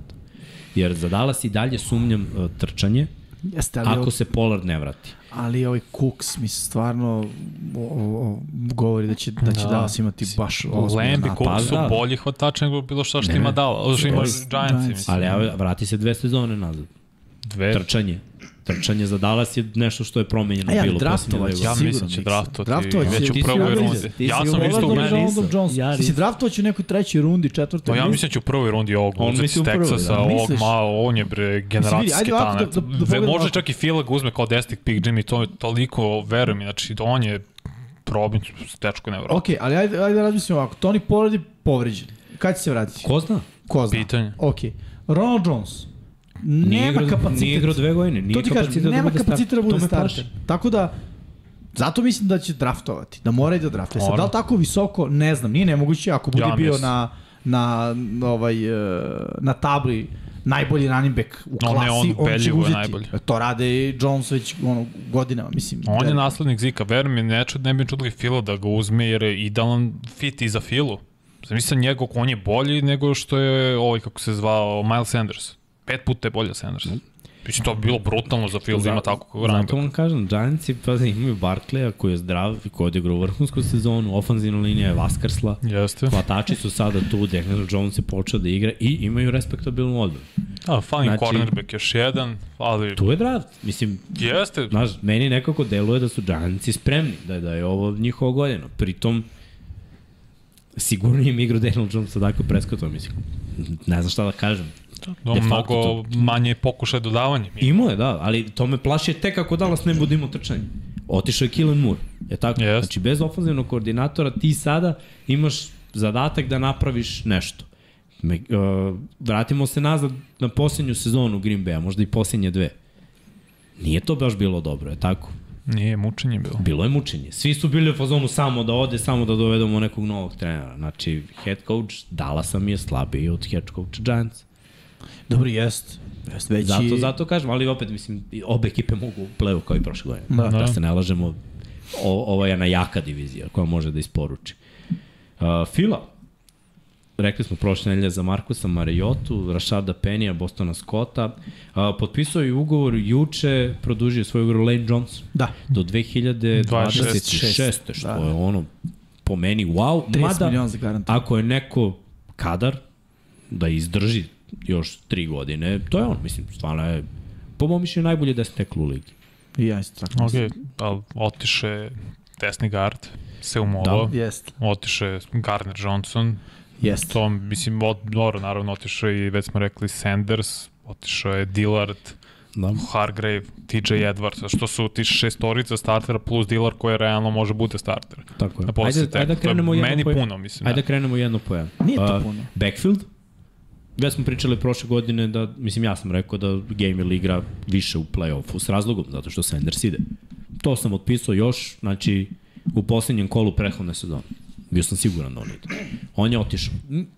Nije, to, to je očekivano, znaš. Biraće nekoga, dovešće još i Mislim, ima, svakako su- doveli su Penija, da, ima mi Pazi, i smisla. svakako su oni ono running back committee. Da, Fila, tako je igrao, realno, cele godine. Ok, Sanders je bio broj 1, ali često smo viđali da ga nema nekoliko drajeva da igra Genville, da igra Boston Scott, tako da ono, nije mi, nije mi nije bila strašno. vezanost za njega. Najveći, da, da. najveći gubitak mi je bio zašto sam baš dobro proučio Gardnera Johnsona i če, cel, celu tu priču. Znači, on je dobio ponudu da dobije višegodišnji ugovor. Isto kao i Schultz. Da, dobio je ponudu na tri godine da ostane u Fili za određenu sumu. Tu određenu sumu on nije prihvatio. Niko drugi mu nije dao ni približno novce kao Fila za te tri godine. Znači, to se sve desilo u momentu kada je Fila rekla Slayu da traži trade, kada su bukvalno rekli. Bradbury-u takođe, zato što je njihova ideja bila da, na, da draftuju kornera, dovedu još jednog kornera i potpišu Gardnera Johnsona. Gardner Johnson nije to hteo. I nakon toga, kad je on rekao da neće da potpiše to, Fila je rekla, ok, Zadržao probaj je da ideš kornera. negde drugde, potpisali Bradbury-a, potpisali Sleja, rešili tu priču i onda se Gardner Johnson javio jer je proverio već njegovim agentom sa svim timovima i nikomu nije dao ni približno ono što mu je dala Fila. Zapravo, nikomu nije dao dugoročni ugovor, jer je on igrao Stronga, pa se prebacio na Frija i niko nije vidio dovoljno filma od njega. Imaju jednu vrhunsku sezonu sa šest intersepšena, ali on je u Saintsima, Saintsima igrao drugu poziciju, igrao i Nikla, između ostalog u Saintsima. Tako da se šetao, nije bio ovako ustaljen. Ovo je klasičan primer kada agent i igrač precene sebe. Znaš, i ti si ubeđen da će nešto da prođe, pozicija safety-a je jednostavno u NFL-u pocinjena kao i tight enda, kao i running back, to ono što smo malo prepomenuli. Znači, ti nisi elita, kao što je po mišljenjima Edge. mnogih, pa ne, baš za poziciju safety-a, kao što je Bates dobio A, ugovor, okej. ili kao što je Poer dobio ugovor. Znači, Poer i Bates igraju dve, tri godine na vrhunskom nivou. Ili Simons ili Bayard. Znači, to su momci koji igraju na, na visokom nivou, kao što je Marcus Williams potpisao sa Baltimoreom. On je igrao mm -hmm. tu poziciju i došao u Baltimore da igra tu poziciju više godina. I to je jedna vrednost. Ti nisi igrao, mislio si da vrediš kao i oni, Fila ti je dala šansu. Dala ti vreme da razmutriš. Precenio si sebe i na kraju više nije bilo kepa da igraš za Filu. Jer Fila bi onda morala da prepakuje da bi došli. Ja i dalje mislim da je Fila trebala nekako da nađe način da ga uklopi tu, jer sad jako je teško draftovati i izabrati se. Oni su baš pogodili s njim prošle godine. On mi je bio najbolje pojačanje i ko, koje se desilo za, za Filu. A, oba safety su im otišli, startno. I da. Mike Epps isto je otišao. Zato Marcus. sam im rekao, hm? Marcus Epps. Marcus Epps, no. zato što sam i rekao, mislim, to je onda četiri startera u odbrani koji su ti otišli de facto od sedmorice u napadu dvojica. Jeste, ali znaš šta je tu Meni je samo- mnogo, ne znam, sad ti možeš bolje Znači proceniš. ti moje mišljenje, mm. -hmm. šta je? Uh, četiri startera, to su Go- Gardner Johnson, Epps, TJ Edwards i... I Hargrave. I Hargrave, okej. Osim Hargrave-a, sva, ovo preostala trojica su starteri od prošle godine. Pa dobro, Edwards je bio i one dve pa, godine. bio mislim, bio Mislim, nema Phil idealno rešenje na to. linebackera, to je ono... Kao ni re, realno safety. Kad pogledaš Fila, ako pogledamo onu uh, eru Briana Dawkinsa, ti si znao ko igra sekundari u toj eri, znaš. Znao si ko su ti igrači. Sada, zadnjih nekoliko godina, tu se rotira. Seti se Vonte Maddox, seti se svih onih momaka. Kad, Mills. Isto čak. Mills, da. tako. I, znaš, to, to su sve realno bili, bila rešenja trenutna. Znaš, niko tu nije ni pokazao da, da, da je neko dugoročnije Ali ove rešenje. jest. Kako? Ali ovo jeste Pa jeste, ali opet to je jedna godina i sve što se, no. što se ovo desilo, što je sad Miksa objasnio, znaš, im, ima tu i toga, ono, ej, e, dobio si ponudu, nisi je prihvatio, mi smo uradili ovo, sad zbog tebe treba da prepakujemo, možda kraj dana možda i procenjeno dobar je, ali ono, nije van serijski talent, ne vredi prepakivanja. Tako je. Nećemo prepakivati. Pritom Fila ima dra, draft kapital. To je nešto što Fili ide na ruku. Sad, ja, moje mišljenje je da ne možeš da nađeš safety tog talenta na draftu. ni u jednoj rundi ove godine. Možda Branch sa Alabama. Možda. Da igra na tom nivou i da ima to iskustvo i da ima ta, tu mogućnost i, e, da igra na loptu i da udara jako kao što udara Gardner e, Johnson. Brian Branch je najbolji obarač od DB-eva u Video cel... sam, samo kažem, nisam video na NFL nivou. Ne, jasno, jasno. Mnoge sam video safety koji su bili ubice, dominatori na koleđu i onda nakon toga ništa. Jasno, je jasno. tako. Seti se Abrama kakav je bio, na, mnogi, Mori Go, eto, da je u Raidersima, isto je bio vrh, baš je bio dobar prospekt, mm Mhm, -hmm, pa da se ne vraćam nazad do, je beše Taylor Mace, Jimmy. Jeste, a Taylor Mace je bio karijera. fail u, u karijera na koleđžu. Da, ali to ti pričam, na koleđu je bio. Pazi, i sve ti je bilo jasno kad je on bio igrač. prva tekma, bio si fazon fail. Igrač Pita Carroll i Pete Carroll te godine draftuje... Da, nije Thomas. te na USC-a, da, da, sam sećam, sećam. To, mislim, ima dokumentarac gde to priča Mace, kako mu je to već poljuljalo karijeru. Da, a da, nije verujem. u NFL. Ne, druga stvar, mislim, Miles Sanders, kako da, ja sam ga prvi malo crnio, opet to je skoro 1300 yardi trčanjem. Nije, ne mogu da vidim Gainwella stvarno Ja da će mogu. imati 1300 yardi, verujem, iskreno. da mogu. Ja stvarno ne mogu. Ja mogu da ga vidim. Ne, baš mi Ali mogu to... da vidim, problem. znaš šta, ali mogu da vidim kombinovano backfield file da ima 2500, jer mi je to realno. Kombinacijom, to, to je ono, ja ni u Baltimoru ne mogu da vidim ni- nikoga da ima preko 1200-300 yardi. Ali kad se svi spoje po 700-800, što se dešava svake godine, kogod, i imaš četvrtu koji Lamar. doturi ti još 200-300, pa da, ali Lamar je tu oko 1800 Da, da. i Gas ima tako i Jackie Dobbins ima, jer to kad imaš kvotrbeka koji trči, koji drži edge s polja, mnogo lakše život za ranje. Ne, jasno, kapiram. Kao i Tako Filo da- što ima. Da, da. Mislim, Mislim, da, da, vidjet ćemo, ja bih volao da draftuju ovog BJ Robinsona, jer mislim da bi to bio za Filu napređenju u napadu.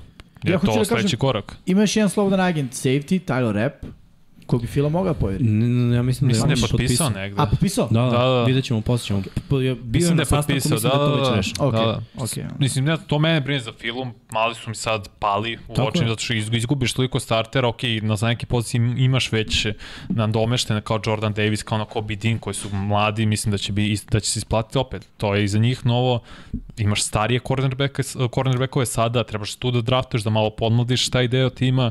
Ne kažem da je Fila sad nije favorit, samo mi je malo slabija nego ono kad vidim pod prošle godine. Ja mislim da... Ajde da kažemo Ajde, igrači vidjet su potpisali mm -hmm. na poziciji safety. Potpisali su Terrella Edmundsa Tako na je. godinu dana. To je potpis od pre par sati. Da, i potpisali su Justina Evansa. Tako da, potpisali su dvojicu. Nije to nivo, onaj, ali imaju dubinu. To je Blankenship, koji igra prošle godine kao Koji rezervista kada se povredio. Gardner Johnson, iskreno, dobro ga je zamenio. Jeste. Nije tajni, on ne igra toliko na loptu. Zna da udari. Sme da udari. Bilo je okej, okay, mislim. Tako da imaju dubinu trenutno, da li je bolje, nije. Da li je Fila oslabljen u odnosu na prethodnu sezonu? Da, u, u tom segmentu. Znači, ako pogledamo, i dalje čekamo eventualno potpisivanje nekog linebackera. Znači, Fila još uvek verovatno istražuje tu opciju ili će draftovati ili Pa ja mislim tražiti da nekog. možda draftuju, ali uh, što se tiče sekundari, sad realno kad pogledaš, možda draftuju nekoj kasnoj rundi, trećoj, četvrtoj, nekog u, uh, u sekundari. Mislim da moraju da draftuju i, i nekog u slotu hvatača. Kvez je otišao. Treba mi hvataš je, broj to mi je da. rupa, da, treba mi hvataš broj 3, to, to, ali kad pogledamo ovako, napad mi nije mnogo propadio, sve se ovo da zameniti. Znaš, i kad igraš u Superbolu moraš da imaš ovakvu priču. Jednostavno, to je cena koju moraš da platiš. Do Superbola si došao zato što su svi igrali iznad svojih mogućnosti. I većina njih Ja Uvek ti se desi da imaš 10-15 kojima je baš ta ugovorna godina. Da. Kada su odigrali najbolje u svojoj karijeri. Mislim, glupo je da se ne naplati. A Znamo znaš što da ja isto mogu da vidim? Da je možda Jurgensa pomere na garda. Pošto Kelsey ostaje. Jurgens je Da. ruki centar od Da, ove da. sezone. Da draftuju online, ali da samo Jurgensa pomere, to su radili sa Dickinsonom. Tako Da, sad je Steels, Jason Steels, trenutno desni guard. Trenutno. Ok, samo kažem, možda mogu da Moguće, vidim i da se ovo i da se ovo desi. Sve je moguće. Ali Mislim, okej. Bitno je njima da, da su teklovi tu i ovo s Lane Johnsonom je zaista velika stvar. Jeste. Znači, to, to, to može da pomogne dosta. To je bilo to za Filu, idemo na... Čekali smo istoke. Da, Ne, nije Commanders. Washington. A da, o da. Ostao Washington, ovaj, zaboravljeni, ali radi se dobra priča. Mislim, evo i ovo, ovo dovođenje Bienamija po meni može dosta da promeni. Mislim da je Jacobi Brissett doveden da bude rezervista, što mi govori da žele da idu u tom nekom pravcu. Ko je to pravac miks? Sam Pa, Howell. ma, pa da. Sam Howell. Pa da vidiš šta, da li može. Ja mislim da je pravo Lamar Jackson. Misliš? Ali da ne žele da daju da, da razmišljaju o tome da li žele da daju dva Ja pika. mislim da će to biti pravac kad budu novi vlasnici. Iskreno. Pa taj da će to pravi, biti to je već ka, kasno, znaš. E sad, u skorije ovi, vreme. ovi pregovori traju to je njima problem što Vanja kaže. Vlasnici, kupovina, da, ne, šta se tu dešava, ti imaš još prozor za to, ali Kobe Brissett, rezervista klasičan, znaš zašto ga koristiš za taj neka trčanja, klasična dodavanja. Znači, ili biraš novog kvotrbeka, koji je broj 1, može da uči malo iza Briseta, ali trebalo bi da ideš all in. Mislim, oni su jedina ekipa koja je zvanično i rekla da će da proba da dovede Lamar. S tim što šta god oni ponude, Baltimore ima pravo da Izjednači. istu, istu tu ponudu izjednači onda, ili da pojača i onda ide njima. To daš 1 dolar preko. ovaj, šta smo rekli? Andrew Wiley, Trenton Scott, to su potpisivanja. Uh, Tyler La Larsen u ofenzivnoj liniji, Abdullah Anderson, Deron Payne je uh, Da, potpisan na četiri godine, to smo rekli, Efe Obada, Cody Barton, potpisan kao linebacker David Mayo, Cameron Densler, uh, Danny Jones, to su potpisivanja. Da. Za njih izgubili su onog Simsa, momka koji igra u slotu, Švajcara, isto. Švajcara takođe, ali imaju backfield, imaju odbranu, meni je to okej. Okay. Ima tu još par stvari, ali mislim Washington je ekipa koja nema očekivanja, tako da na draftu mogu da, da se pojačaju dosta. E sada, Šta će ajde to da uzmemo u obzir ako se slučajno desi da Lamar dođe u Washington. Dobro. Ovo je playoff ekipa. Sa ovim trčanjem i sa ovim odbranom, To je problem što od, mislim da odbrana nije toliko dobra sem defanzivne linije. ajde uzmi u obzir prošlu godinu. Cornerbackom su im fali. Mislim, to je Kendall Fuller, čini mi se, i ko još. Uzmi u obzir prošlu godinu. Ista ta odbrana je bila i prošle godine. Pa nije bila neka odbrana prošle godine. Ali s tom odbranom, dobra, sa wow. Heinikijom i sa polupanim vencom, njim, oni su bili jedan nerešen rezultat od play-off. A bili su baš pokradeni od strane sudija protiv Giants u onoj tekmi. Sećam se što ono ja smo radili, krstili smo se ono, za onaj Da, da, pričaj. offensive false start hvatača koji se nije mako s Da. linije, samo se nije postavio kako treba, Još što mu ono, niko da ne baci. Da. I on mu rekao da je, znači to ne sme da se desi u NFL-u. Znači, klasična štela. Mislim, oni su i dobili filu, filu realno jedini sa je, Hrcom pre da. Superbola. Ja samo kažem, dovedeš quarterbacka kakav je Lamar u ovu ekipu sa svojim učinkom i talentom koji on ima, šta može da promeni, ova divizija bi postala mnogo zanimljivija. Mnogo zanimljivija. Lamara Znači, više, znaš, prvo bi imao dvojicu quarterbackova koji igraju na drugačiji način sličnu priču. Koliko bi bilo teško za ove druge da se prilagode igranju protiv Hurts i Jacksona, znači to su četiri utakmice, ti igraš protiv njih dvojicu toku godina bilo bi jako teško iz odbranu Dallasa, mislim ja znam kako je Lamar igrao protiv Dallasa i protiv Giantsa, jer su se ukrštale divizije i to je bilo ono kao je. Mislim da je, imao, da, da je Baltimore imao protiv obe ekipe preko 300 yardi trčanja. A znam da i Hurts i, i, i Fila znaju Dala da, si da ih sigurno prevedu. to, sećam. Da, Da, da. to je druga priča. Ako Lamar tu, bili bi Da. da. uz Filu i Dallas favoriti. Mislim, ali Bez to su Lamara- opet mali, zna, ne znam. To je ono, sedam pobjeda u sezoni. Ta, jednostavno, ne može bolje. Jer koja ti je priča na quarterbacku, koja ti je priča, znaš ti kad nemaš quarterbacka, ne možemo uopšte ništa ni, je. ni da pričamo. U ovoj diviziji gde sada kažemo imamo dvojicu i pojavljuje se treći koji je dobio šansu. Znači, Daniel Jones će biti tu neko vreme. Bar još dve godine. Znači, on je legitimni quarterback Giantsa ovu i sledeću sezonu. Prescott je tu, Jalen Hurts će sigurno biti tu ove sezone. Znači, nakon toga kreću pregovori i vidjet ćemo.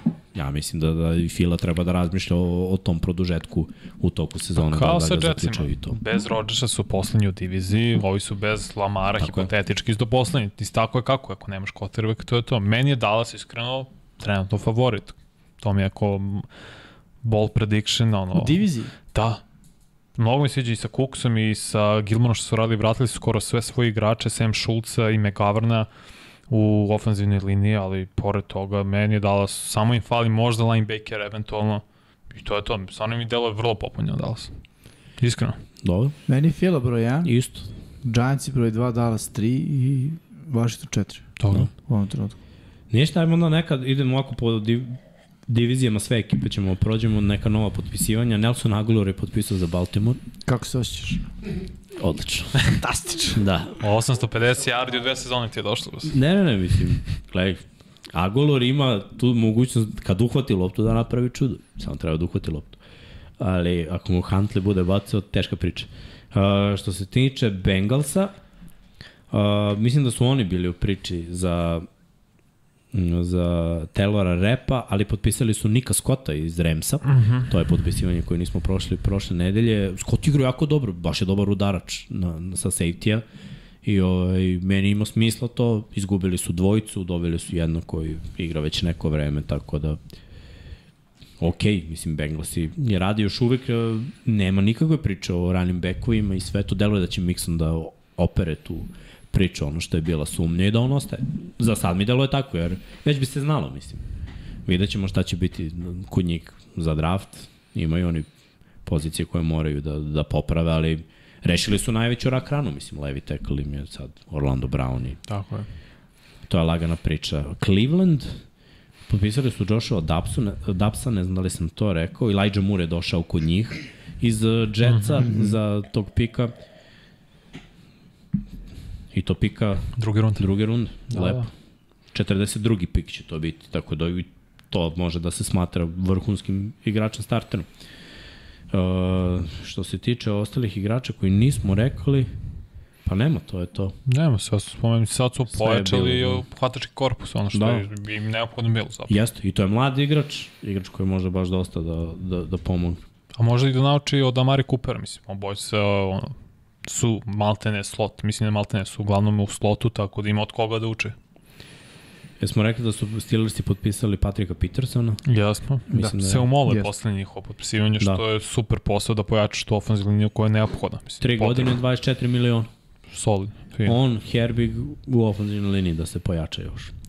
Uh, idemo na jug. Texansi, šta tu nismo rekli, Devin Singletary, Da, Da, Texansi su potpisao svašta, godinu dana. Uh, Noah Brown iz Dallasa, Da. potpisao na godinu, sve godine, ono, bukvalno godinu. Schultz.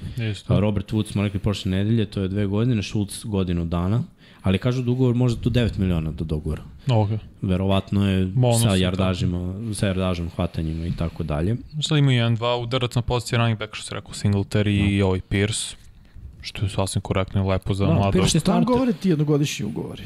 Rebuild.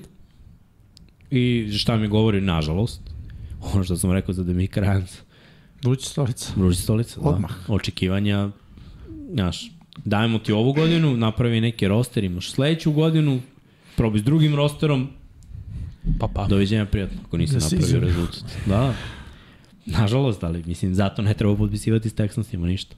Mislim, osim ako nisi igrač, jer to je ono, lagana priča, odareš godinu dana i ideš dalje. Ko u basketu, ono kad pobišeš. Da. Godinu dana s nekom ekipom, odariš svoje i ideš dalje. Uh, što se tiče ostalih igrača, šta nismo rekli?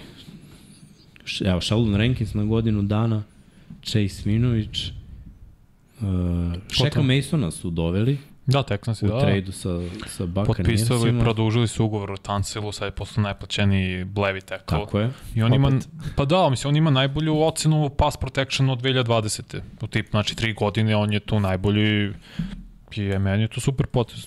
Imaš levog tekla za sad i za budućnost. Titus Howard je dobar desni tekla, može da igra i garda. Shaq Mason igra garda. Oni imaju solidnu ofenzivnu liniju. Imaju, da. Pa zato je trčanje išlo. Littleton Perryman, linebacker je na godinu dana i Jimmy Ward. Ne znam da smo njega rekli. Yes, Jeste, prošle. Da. Prošle. Ovaj, idemo na kolce. Šta je kod njih? Ja mislim da Nema ništa. Ništa, ne. A od kolca nema ništa. Ne, kolce. Bukvalno ništa. Jaguarsi pregovaraju sa Clyson Campbellom da se vrati. D danas je na razgovoru. Ovo ostalo uh, potpisali su svoje neke igre. Doveli su Dernesta Johnsona rezervnog beka Clevelanda koji je imao jednu utakmicu kad je nažal, kad je pored čanta mogo da ga ispeva kad su ovi bili povređeni ovaj, imao je preko 100 yardi znači ono, talent postoji to je dobro za Jaguars i još jedan dobar igrač Šant. Uh, I mislim, eto, vidjet ćemo da, da li će potpisati Kalais. Uh, Arden Key je pričao o tome da, da, su on, da su ga ponizili kakav ugovor su mu ponudili i da je zbog toga otišao. Ali uh, Kalais imao 4 miliona i Baltimore ga nije potpisao, baš me zanima koliko novca on misli da vredi, koliko traži. Pazi, ako Jer- još ima kuću na Jackson, u Jacksonville, Um, to ujedinjenje sa njima, znaš, mislim, on je stvarno legenda kao igrač, maksimalni respekt za sve što je pružio u Arizoni, u Jacksonville i u Baltimoreu, mislim, on je stvarno bio vrhunski igrač, u svojim godinama šta on radi, vidiš da nije najboljim danima, ali dalje i run stopper i, Jeste. i pravi pritisak. Ako ne bude sa može da ga bloka, 2-0-3, pa ti... Ne, ali verujem mi u tim godinama mnogi igrači uspore, znači on čovjek ne usporava. Sigurno će doneti mnogo toga Jacksonu. Pritom nije ludagi. Zna on i koliko je koliko su svojim godinama veteranskim Jeste. značio i koliko bi dolazak Kalaisa Campbella koji traži prsten i dolazi u Jacksonville jer veruje da ima, na što znači u slačionici, znači svi će u ako on veruje, a bio je u timovima koji su bili uspešni, znaš, ono, ver, mm. verovatno i mi imamo šanse, onda svi krenu da igraju iznad svojih mogućnosti. To, to me baš zanima. Iskreno volao bih, bilo bi mi drago čak i, i da potpiše tamo, jer ne želim da se penzioniše ako on misli da, da može da igra. Uh, Titansi su isto povlačili neke, neke poteze, ali ovaj, što se tiče nekih potpisivanja zvanično, ovde ništa ne piše. Znači Pa sve nema isto što smo rekli prošle Da. nedelje. Da. Znači uh, Arden Key, to smo rekli, Al Shair, mm -hmm. Murphy Bounting, smo njega rekli. Mm, mislim Jesmo, da ja njega, mislim. je li jasno? Ili nismo, ne, nismo, on je Nismo. možda posle podcasta. Ako nismo, Murphy Bounting je potpisao sa Ojačaš odbranu i Titans. dalje, da. Dobro. Hvatači dalje potrebni kao leba. Idemo na Denver, rekli smo za Stidama, Semajđe Perrine, Michael Barton, Ima jedno od danas. Mike McGlinch. Zach Allen, Alex Singleton, Kalavej. Tremon Smith, Marquis Kalavej, to je danas potpisao. Hvatač? toga Da. nema. Eto. Sa Seanom Paytonom ujedinjenje. Da, da, i Saintsa, da. Pa dobro, Kalavi, kad pogledaš njegove fizičke sposobnosti, Može da bude. šest, ja mislim da je 6-4, tako, 6-3, 6-4, 100 kila skočan, imam dobre ruke, hvatao je neki ono, ludačke lopte. Da li je otprilike nagoveštao da će jedan od hvatača da ode? Pa i dalje kruže te priče. ne. Mislim da nije, je- ne mogu, ne, dalje kruže te Ne, priče. ne, no zašto, ne isplati se. Zato što su podbacili toliko da draft kapital koji dobijaš njihovim otpuštanjem je smešan. Šta, će, šta bi dao za Judija? Evo, ja ću da kažem šta bi ja dao. Šestu rumu. Ništa nije uradio. A ništa nije uradio. Pritom na ruki ugovor. Mislim Jeste, da, tako da je. Denver ima najviše smisla da ostane. Je, znaš, ti da dobiješ za bar treću, četvrtu, dao bi ga Jedino odmah. Ali, Cortland Sutton. Ma ne može za njega. Bio je povređen, ne, dve ne godine nije igrao. Ne možeš dobiješ, ali jedino on ima, ja mislim, ugovor. Tako je, šesta, sedma go, runda da, da dobiješ, bolja ga ostaviš tu jer ima neko iskustvo i može nešto Jeste. da doprinese. Jer i- iz tih rundi da dovedeš igrača, neće se oni uklopiti Redko on. kad možda ubodeš. Tako je, ba, baš redko. Znači, gledao sam procentualno kada biraš u prvoj rundi, hvatači igraju u 90%. Druga runda, 70%. Treća runda je fazom 30. Da, da. Znači, pad je, bro, četvrta runda samo ide na dole. Da, da. Znači, redko ko je, ekip, ko je poslednji hvatač iz treće runde koji je ono, ba, baš ih malo ima, koji, Terry McLaurin, koji igra na, na pro bowl Tibo je bio, bio druga treća runda. Druga. Tibo da? je druga. Uh, AJ Brown je druga. Da, DK McAfee isto, je druga. da, Znaš, da. pogodiš u drugoj. Da, U trećoj manje, u četvrtoj, petoj, a šesta runda, teško. ma teško. kaki. Tako da bolje da ostane Judy kao neki potencijal i, znaš, ono, gradiš, Ima on vidiš. dobre meče sa Russell Imao je. Wilsonom prošle godine. Imao je. Mislim, imao je nekoliko, dva, ovo tri je- meča, ono da je baš im preko 100 yardi bio dobar tih touchdown hvatanja, ali treba, treba da se... Nije iskorišćen bio. Nije. Nije, nisi on pokazao očigledno, tako da... Da. Daš mu jednu šansu u novom sistemu, pa. Posle toga neki ide iza džabe. Mislim, šesta runda ili ništa, mislim ništa, da ti on ostane na rosteru. Pa ne bude na rosteru. On ako ode za drugi tim ti valjda dobiješ kompenzaciju pikova, sve zavisi koliko ti igrača ode i sve to uglavnom bude treća ili četvrta runda, tako da. Idemo na, idemo na Chiefse. Uh, oni su uglavnom potpisivali John Taylor, smo rekli to. Jesmo. Da Zamena, jesmo. da, jesmo prošle ne pričali Jesmo. smo o levom desnom Ja sam za teklu. John Taylora. Što se tiče ostatka, Mislim da nije bilo. Drew Tranquil, Mm, to je novo. Drew Tranquil iz Po, Chargersa da, došao. pojačao linebackersku liniju. Ne, koja već ne dobra. piše ništa o tome o ugovoru, znači samo da je potpisao Mike Edwards kao safety 3 miliona jednogodišnji ugovor. Eto. Si imaju dosta draft kapitala, tako da ne brinemo uopšte za njih. Raidersi. Uh, rekli smo za backfield sve. Austin Hooper je potpisao za njih, to E, mi smo bravo, rekli. Jednogodišnji ugovor. Eto, 3 miliona, maksimum 3,5 da ispada. Top, ma. Cooper koji je igrao u Atlanti bio dobar, nakon toga mislim kladio se na sebe u Tennessee-u, to je baš bio fail, nije to tim za njegove talente. Ovde bi moglo da bude, jer McDaniels voli tight endove, Mm. da je Waller bio zdrav, imao bi mnogo bolju sezonu, ali videli smo u nekim utakmicama gde je igrao da, da može. O.J. Howard je potpisao takođe. Šta ti to govori? On, pokušaj da budu dva tight enda, da se Da. nešto dešava. I meni to apsolutno ima smisla. Jacobi Myers, sada može rekli. da dodaje Mhm. loptu Jones. Tri godine, 33 miliona. E, ali uh, poli kako se promenio napad, ono, Raidersa čoveč. Da. Kube, hvatači, Tight end. tight end, to je tight endovi, mm -hmm. rekli dva. Znaš, baš se promenio, ono. A kako se sviđa McDaniels? Da. Ima tu svašta, sad ne znam šta smo rekli. Brandon Parker, ofenzivni tackle. Jermaine Elemonor, ofenzivni tackle. Uh, Hronis Grasu, centar ili guard. Jordan Willis, edge. Defensivni, Tiller, ja znam da smo rekli. Spillane, mm -hmm. uh, smo rekli. Da. Uh, David Long, corner. Duke Shelley, corner. Marcus Epps je potpisao za njih. Safety. Uh, Jaquan Johnson safety, tako da ono, rade Raidersi, najduži spisak je njihov. A to Mislim- Mislim, samo neka imena, mislim, ruku na srce, stvarno nisu Nije, neki da. ono, koji prave razliku na Top terenu. talenti, da. Da, da, da, to samo imena koje ti popunjavaš, ono, jer si neophodno, mislim, ofenzivna linija i dalje krš. Ja Da. da. ne, ne lažem. Jeste, pa evo, od svega ima po dva, tri, znači ti imaš tri beka, i Abdullah, i Jacob Stagovan, i Jacob Johnson, pa Killan Cole, Philip Dorset, to su imena. Nije to neki da. nivo, ali imaš dubinu, mislim, Ako ništa da. imaš, ti imaš dobre startere na nekim pozicijama. Ali bit će teška sezona za Raiders, naročito ako Jimmy G ne bude isporučio ono što se očekuje. Da li očekujemo da isporuči? Ja da. Ne znam šta očekujem. Da ja ali isporučim. me- meni je teško da, da poverujem, iskreno u to, zato što mislim da Jimmy G bez talenta hvatačkog, nekog brutalnog, mada ima Devonte. Ima. I Hunter Renfro, mislim. Ima i oni talent. Ali ne, mislim, Da, ne znam šta očekujete od Jimmy G-a. Šta, šta je to što... Slantove. Ne, ne, ali šta je da isporučiš? Na šta to izgleda? Šta, Pa, koliko, je- koliko je to pobeda? priče Koliko, kakva je play-off. to statistika, mislim? Da budu priču za play Budu priče za play-off. To su bili Prošle godine nisu. Kako? Nisu bili prošle godine. Da budu priče play-off. Samo navijači Raidersa su mislili kola prošle godine da su oni pred playoff ekipa. Dobro, pred dve su bili. Pred Veda. Ali sad gledamo, znaš, poslednji uzor. Znači, očekujem bolju sezonu od prethodne. I dobro, naravno, da imaju manje povreda. Povrede su ih, ono, baš desetkovale prošle godine. Chargersi, Ništa. ništa. Gledam, gledam i ne Promaja. verujem. To je to sve što smo rekli prošle nedelje. Dobro, sad smo na NFC istoku, nakon toga Chicago, Smirili su se. Da, dosta. Ono je Sad bilo, mir- PJ Mirno. Walker, Donta Foreman, Travis Homer, to je sve već bilo. da, DJ Moore, Robert Tonjan, Mirno čekaju Nate sad draft. Davis, Andrew Billings. da, da, Misliš? Pa da, je nemoj to taktika, a? Pa da, nemoj sad šta.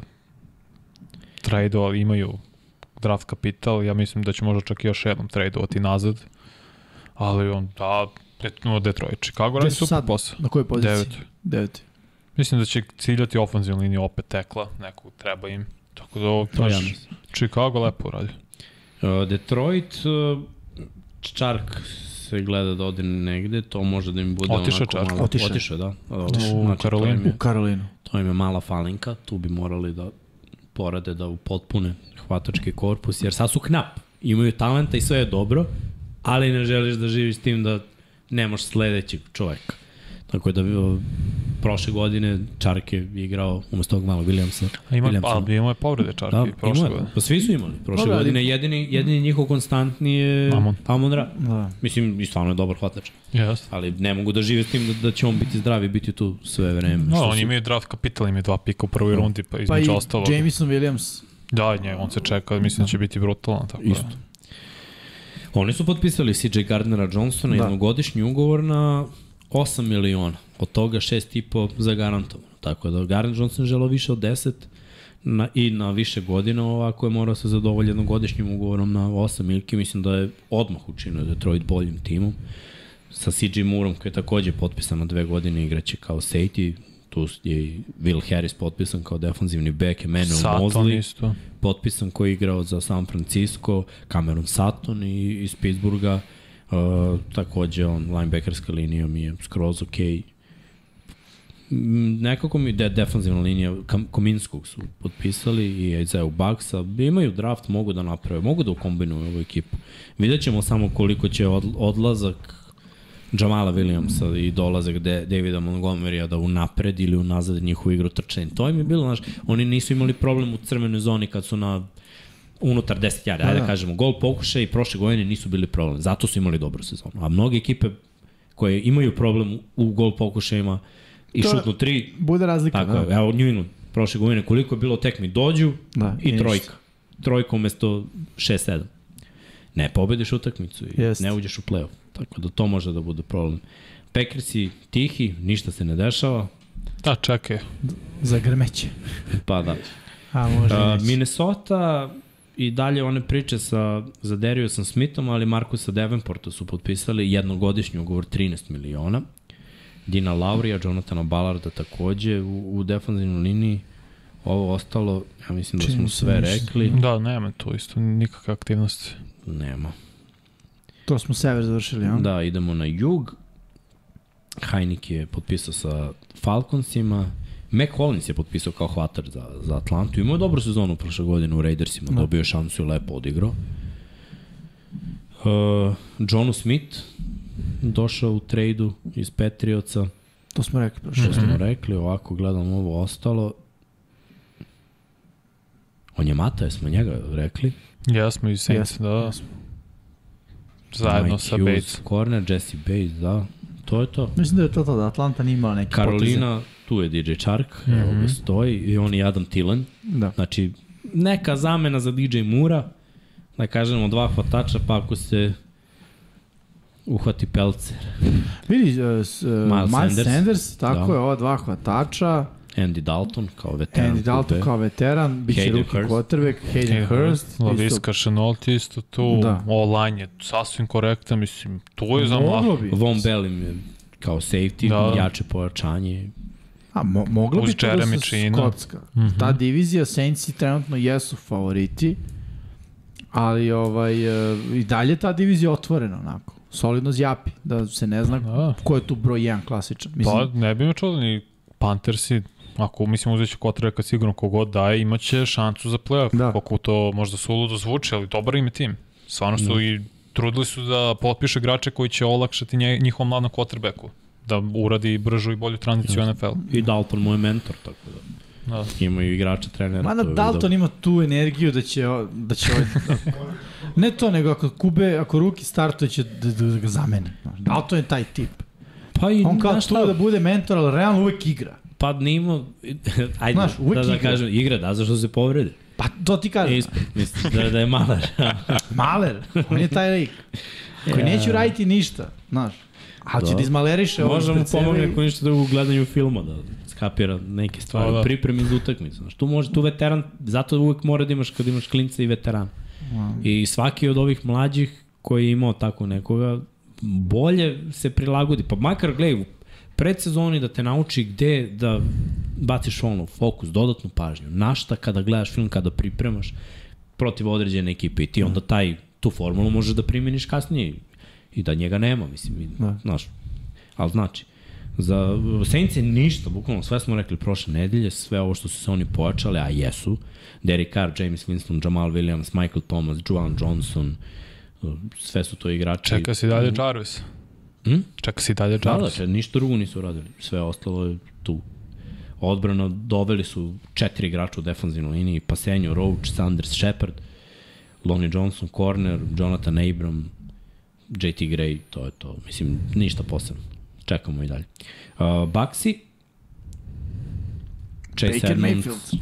Baker, Gaines, Lamonte David, to Da. je najveće potpisivanje, Anthony Nelson, Jamel Dean, to su njihova To potpisivanja. je bilo prošle nedelje. I da, mislim da je Running to, to soba kako je? Tanka. Ne, dobro. da. Katovali su Forneta i doveli Chase Edmonds, to je to. A mora se obnove. Mm. Ima onaj Kishon Bon, valjda. On je ostao, Da. on je na ruke ugovoru, još ovu godinu, ja mislim. Uh, Arizona, David Blau. Kako mi je bilo gotivno. Prvo sam mislio da je blog. Kad sam prvi put pročitao, onda sam pročitao onaj pronunciation, kaže Blau u zagradi, like cow. Blau. uh, Corey Clement, Zach Pascal, Kevin Bicham, Dennis Delay, Will Hernandez, LJ Collier, Kaiser White, Anthony Hamilton, Matt Prater. Pa dobro, ono, jed, Arizona kao i svaki ja, godin. jedno rebuild, ono. Da. Nakrcaju tu dosta nekih imena i počnu Ništa. dobro završe loše. Čekaju, čeka se da traduju Hopkinsa, mislim. To je sada... Da. I opet pitanje šta mogu da dobiju za njega, jer Tako niko, ne, niko neće da im da pika prve ni- niti druge runde za njega. Jer ono, stariji vredi je, toliko, da. propustio je 15 utakmica poslednje dve godine. mislim, Evo, nek dođu u Baltimore, ja im dam četvrtog pika. Će rešimo. Bila je priča da su Patrioti od, odustali zvanično. Da, da, pa ne trebaju. Baltimore, mislim, treba. Billsi su igre. Mislim. Da, ima ekipa koja... Dallas, koja on, hoće, on je teo Dallas pa svoju tradeovali za Cooksa. A, bolje. tako da- Mlađi može više da doprinese. Hunter Long za Remse, dodat u tradu Miami Dolphinsa tight end za pika treće runde i guard Coleman Shelton. Znači najkraći spisak Rams. Sve ostalo je otišlo. Ovo što su Seattle? čekaj, O, Bože. San Francisco ide prvi. Darnold, Veli, Brandon, Feliciano, Kevin Farrell, Jamon Hargrave, T.Y. McGill, Isaiah Oliver, Miles Hartsfield, Tashawn Gibson, Mislim da su to sve od prošle sve, da, ništa novo. Potpisivanje. Seattle isto, tiho, tiho. Drew Lock, Gino Smith, Evan Brown, Dremor Jones, Jaron Reed, Devin Bush, potpisao na godinu dana i Julian Love. I to bi bilo to. Ono, To su potpisivanja. brzo, brzo smo preletili. Bilo je Da. nekoliko o, potpisivanja. A isto. Ono, fokus, ja mislim da je, mi kad smo pričali, re, rekli smo da će biti ono 5-6 i ovaj, nakon toga i evo, vidiš, sat i 40 minuta smo potrošili na, na, na ovo. E sad možemo da se posvetimo Q&A. da, pitanjima Da. I, i da pričamo malo o tome kako se vama čini generalno free agency za sada. Da li je ono klasično ovo zatišje pred buru drafta, da ono, odradili smo free agency, prošlo ono najgore, sad je tiho, i onda Da. da. će da bude draft i nakon toga nedelju dana će biti verovatno, potpiši šta ti fali i to bi bilo to. Ko, ostali su neki dobri igrači, mislim, na, i dalje slobodni. Zašto mislite da nisu potpisani? Pa ne znam, vol ne ostaje ovaj Janik. Ostoje, da. To mi je Ima baš dobrih igrača još iznenađujuće. koji, koji nisu. Svima je potreban edge. Objektivno gledano, to mi je malo ono čudno što on nije potpisao negde. Nadam se da hoće jer je zaslužio to. Mislim i naravno, Bobby Wagner mi deluje kao sad opcija broj 1. Bobby Wagner je, ja mislim, ono post-draft potpisivanje. Mhm. Mislim da će Bobby Wagner biti popunjavanje a, rostera u koliko god to zvučalo kao negativno, ne negativnom smislu, nego ono, znaš, dodavaćeš malo kasnije tak, taj tip igrača. Vidi, on je linebacker sa, koji ima dosta godina. Svašta može da krene loše. Da. Mislim, maš, on, samo je trenutak, samo pitanje vremena kada će ono, početi neka povreda da se gomila, da se vucara. Da, Stoji. Da. Tako da to je, to je onako klađe. Mislim da je ovaj Ro, Rocky Asin, da je on isto... Potpisao je. Rocky Asin. Je. Da. Koliko sam vidio, bio je na razgovoru i kao skoro da je rešen. Sa kim? Ne mogu da se Sad ću da vidim, probat ću da nađem. Nismo ga ovde, ovde ga nisam vidio da, nigde. Pa to, Ali to je zato što ovde samo kad je potpisan ugovor objave. Da. Ali, znaš, kad na ovom drugoj aplikaciji koju imamo, oni kažu da je, znaš, već skoro gotovo, samo nije potpisan. Da, da, Da je zapravo bio je na pregovoru, da, da. Usmeni dogovor je postignut. A, ajde kažem jednu vest koja nije tako lepa, nije lepa uopšte. Foster Moreau ima kancer. I to, to je utvrđeno na lekarskom pregledu prilikom uh, trade-a, tako beše, Da. između Raidersa i Saintsa. I on, cele naredne godine neće biti u futbolu, naravno posvetit će se lečenju i uh, mislim, ono, tužna je vest, ali okej, borba je ispred njega i on je rekao da ono, naredna godina, to jest ova, ova godina, naredna sezona je period kad će da ispraši tur, što se kaže, Da. kanceru, da pobedi, da se vrati još, još jače. Mi stvarno mu želimo sve najbolje i da taj oporak bude brz i da pre svega to prođe u, u najboljem mogućem redu što se njega tiče. U Raidersima? Hm? Sin. Sin? Da. A eto, Tako dobro piše. Da.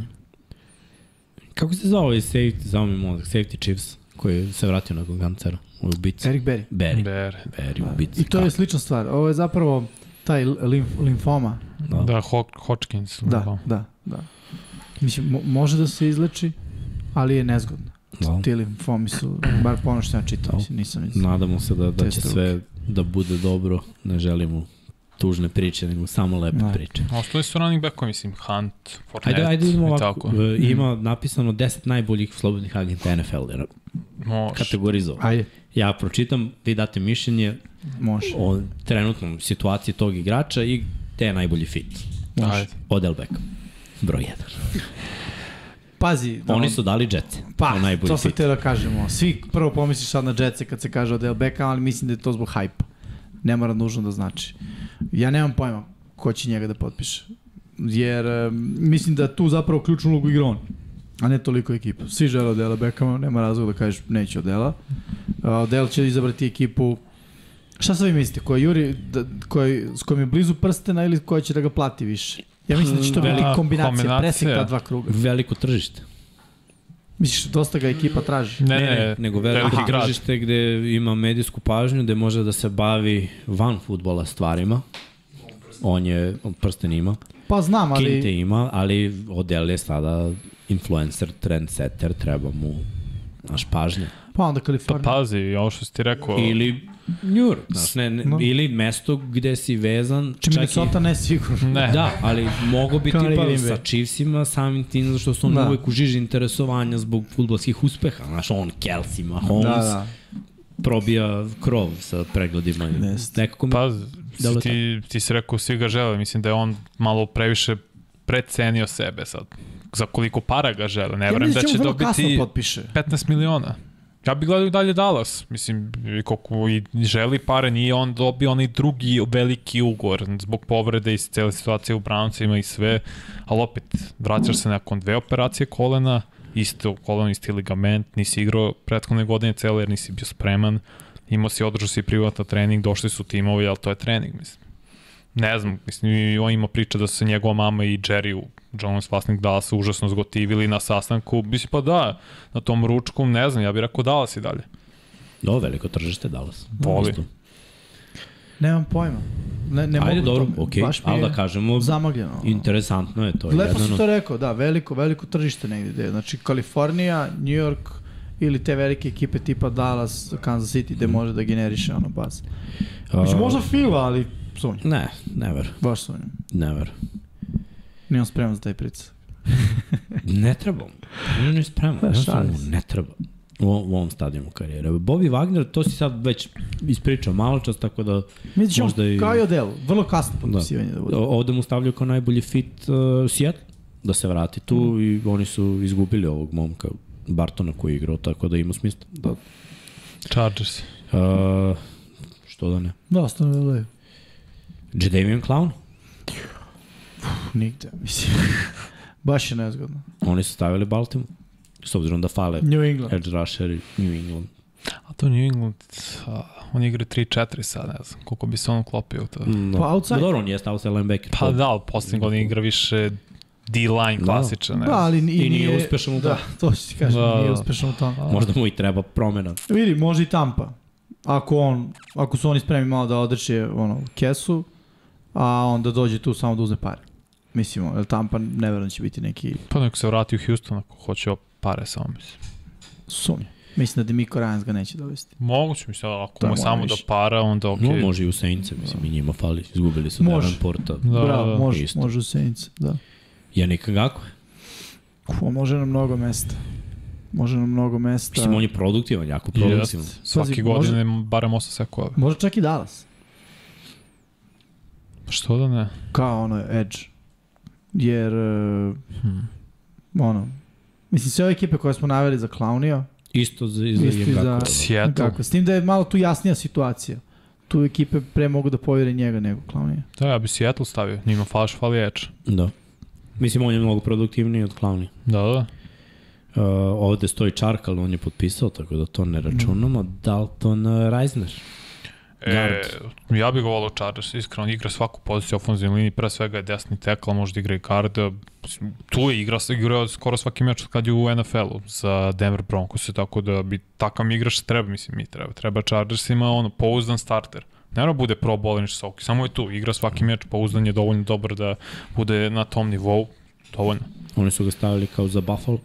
I Što Buffalo bi nije, mogao da treba. pojača, da, Da, da. Neko mi se čini Fila, sigurno ne. da. Nije on. Taj. Možda i ovaj, da se pojača malo i Cincy i Pittsburgh, to su ekipe Da. s mršavim Mm. Jeste. linijama gde bi jedan ovakav igrač uz ovo što su dodali, promenili i svašta. A Isaiah Win, du, mislim ono, 27 godina, Desni tekl. tackle, po, on, dobar je tackle. Iz Patriota. Jeste. Jeste. Šta znam? Jacksonville. Ogroman čovek, mislim, mogao bi da, da napravi razliku. Jacksonville sad Možda treba. Jackson. Nema i oni su izgubili svog. Da. Što da ne? Možda Jackson ili možda... I Raiders. Dobro, da, Sad Raiders. nastavi tu tradiciju ovi. Pa, Pa, ne znaš, iz New England. pa i ovaj, pa i prethodni je bio iz New Englanda, Da. što je najplaćeniji sad, pa se vratio. Marcus Peters. Uh. Marcus Peters je dobar igrač. I pro, ono, radi posao.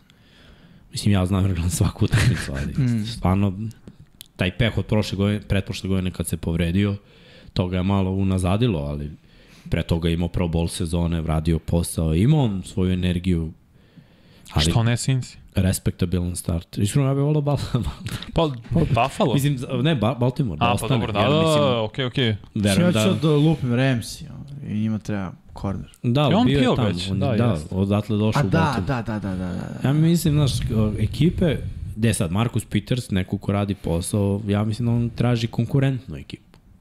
Što da mu ne, to treba. u drugu ljubičastu. Minnesota. Na primer. Na primer, da. Ne, negde gde može, znaš, da uđe u playoff, veru, verujem da, da se to traži. Ili šta si rekao, Cincy sam rekao, mislim, što Da. mi opet ima smisla. ima smisla i za Cincy. Mislim, može i Buffalo, taj drugi korner. Da, da. Mada, ono, Mislim, opet zavisi od njega koliko para želi.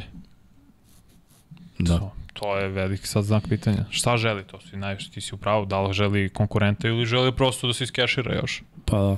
Dobro, zaradio on u svojoj karijeri. Leonard Floyd. I on je bio produktivan u Ramsima, osvojio prsten prošle godine, je bila loša za Ramse generalno. Mm Mhm. -hmm. Floyd ima 30 godina, igrao je dobro u Chicagu, igrao je dobro u Ramsima.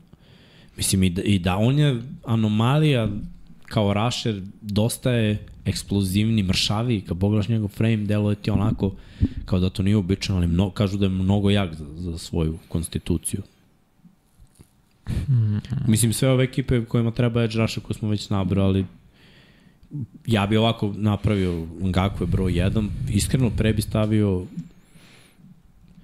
Pa ono, to je Clowney ili Floyd, znaš. Floyd od Clownija, bi- od Floyda dobijaš sve tekme, od Clownija ne i pritom, ono, A i diva efekat Clownja kao prvog pika, Tako mislim da je. je i dalje to u njegovoj glavi. Da. Ja bih stavio to u Karolinu. Baš bi razmislio za Floyda Karolina, fali im isto edge, imaju pored toga do, baš dobre defazivne teklove. da. Slago sam, Frank Clark bi mi bio na broj 2. On je, o, da, da, da, da. da. iako je, i on ima 30 godina isto kao i Floyd, ali Ajde, s njim, budem bold prediction, Fila. Frank Clark. Može, što da ne. Fali im Fili su malo, Fila se osušilo, to je rasulo u, ofan, u defensivnoj liniji, mislim, treba i, treba i meč. Fali drugi edge, definitivno. Jeste. mislim da Clark traži pare. I da Brownsi, pošto nisu tele da daju Clownu, imaju nameru da ga zamene Ngakovom ili Clarkom. Moguće. Tako, a oni imaju kao kintu. Ili, Rekonstruji se ugovor da Watson, kad se ta još prošle nedelje Da. oslobodio 36 miliona. nije to mala stvar. Moglo bi da bude. Teddy Bridgewater je stavljen ovde kao kvotrbe koji je trenutno najbolji koji je ostao od slobodnih agenata. Samo govori koliko. Houston. Ne znam koga Houston ima kao backupa iza Millsa, da li neki veteran ili ne, ali eto da bude on veteransko to prisustvo za sledećeg ruki quarterback. Hmm. Što da ne, mislim, treba im, ne, nema, ne znam da li imaju neku, neku napišu neku A Cody komentariju. Rodgers, ko je backup Packersima? Ne znam. Da si Teddy bio u klubu. Evo, evo vidi, udari čovjek. Od stresa. On to zbog Partizana. Je da? Vode. Vodi ili gube? A, pa dobro, šta se, šta se brineš? Kakvi grci, bre. Ništa, ajde, prošli smo ovo, da kažemo, to su najbolji slobodni agenti koji su ostali, pa eto, možemo... O, aha, aha, smanji, smanji, smanji, smanji. O, Dobro. E, Ajmo, pitanje na odgovor. Mislim da smo to malo zakidali možda u prethodnim. Ali nismo. Pa nismo, nismo. Da. Smo Dobro, sad možemo budemo malo ovako Kreativni. opušteni, jer tek, tek je 9 Tek je sati. 9 sati. Uh, da vidimo, vratit ću se malo nazad da vidimo šta ste vi pisali. E, samo pre nego što nastavimo ljudi, like, udarite, ako do sad niste, a gledate već skoro dva sata, udarite like, očigledno Da. vam se sviđa.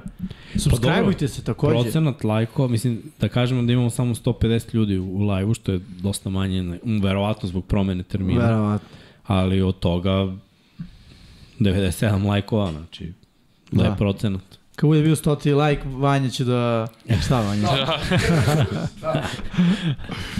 Ništa, a? Uh, evo, Vuk Korać, inače Vuka Koraća, pozdrav za Vuka Koraća, upoznao sam ga u Maksiju. Na delikatesu. Prilade, Šta ste kupovali? mes!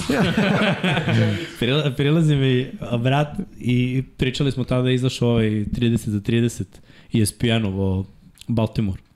I ja sam ga pogledao i mi isto neko iz komentara, neki drugi brat, kome se zahvaljujem, poslao torrent da, da skinem to i da pogledam. I ovaj, bukvalno sam morao da prosledim Vuku da i on to pogleda, tako da Vuče pozdrav. E, Vuk isto fan, Revez. Da, da, da. Ah, kako ste se našli na. Tako je. nevjerovatno, bre. Pa, tačno u pregovorima oko Lamara. Ste kupali neko pileće meso. Mogli smo Lamara da odemo malo krčkavalja. Ma, cheese on top of the contract, ali nismo. Šta kaže A, Vuk? šta mislim o Nelsonu Aguilaru? To je pitanje. On kaže pakao. ja ne znam, nije, znači. nije toliki pakao jer Baltimore, aj pogledamo slot receivere koji su dolazili u Baltimore da budu treći, hvat, treća hvatačka opcija. Willi Snead. Sammy Watkins. Pa zašto da ne i Nelson Aguilar? Mislim, nije on mnogo dalje od njih. Od njih- i od da. Sammy Watkinsa. Možda je bio hype oko Sammy viš, veći Viš, jer je bio ono najbolji, runde. najbolji hvatač ocenjen na tom draftu. Jeste. Bolji od Amarija Coopera bio kompletnije ocenjen. 2014. bilo? Tako je. Ovaj, I delovalo mi je ono, ok, ali Sammy Watkins u ovom momentu kada je došao u Baltimore mm. i pre dve godine i prošle godine kad se vratio, to jednostavno nije, nije to, to. Tako da Aguilar, ako ništa drugo, Znaš, tu je, na terenu je zdravi, trudi se, trči, daje 100%, ima drvene ruke, ali... Nije Mislim, bilo kad toliko uhvati- loše. Kad a. uhvati loptu, a golori, sećaš onog duplog rollinga kad je se. pobacu ljude, to je bre atletizam koji se ne, ne dešava često. Ali opet, kažeš, imao je 865 yardi u prošle, prethodne dve sezone, mislim. To je... Koliko ima Sammy Watkins, koliko ima Willi Snead, mislim, znaš, Ne znam, kad samo znam njega. Još gore. Ali to, to ti je Baltimore, Baltimore primer. Znači, dovešće nekoga ko je 500 yardi. 500 yardi, da. To je treći hvatač po njihovu. Jer oni sve ukupno, znači niko ne, ni ne prebaci 1000 osim Andrews. Hvatači su u principu između 500 i 800 i onda računaš taj treći, četvrti treba da ima 500. Mislim, Da. sad ne znam da će se promeniti game plan, ali to mi je okej. Okay.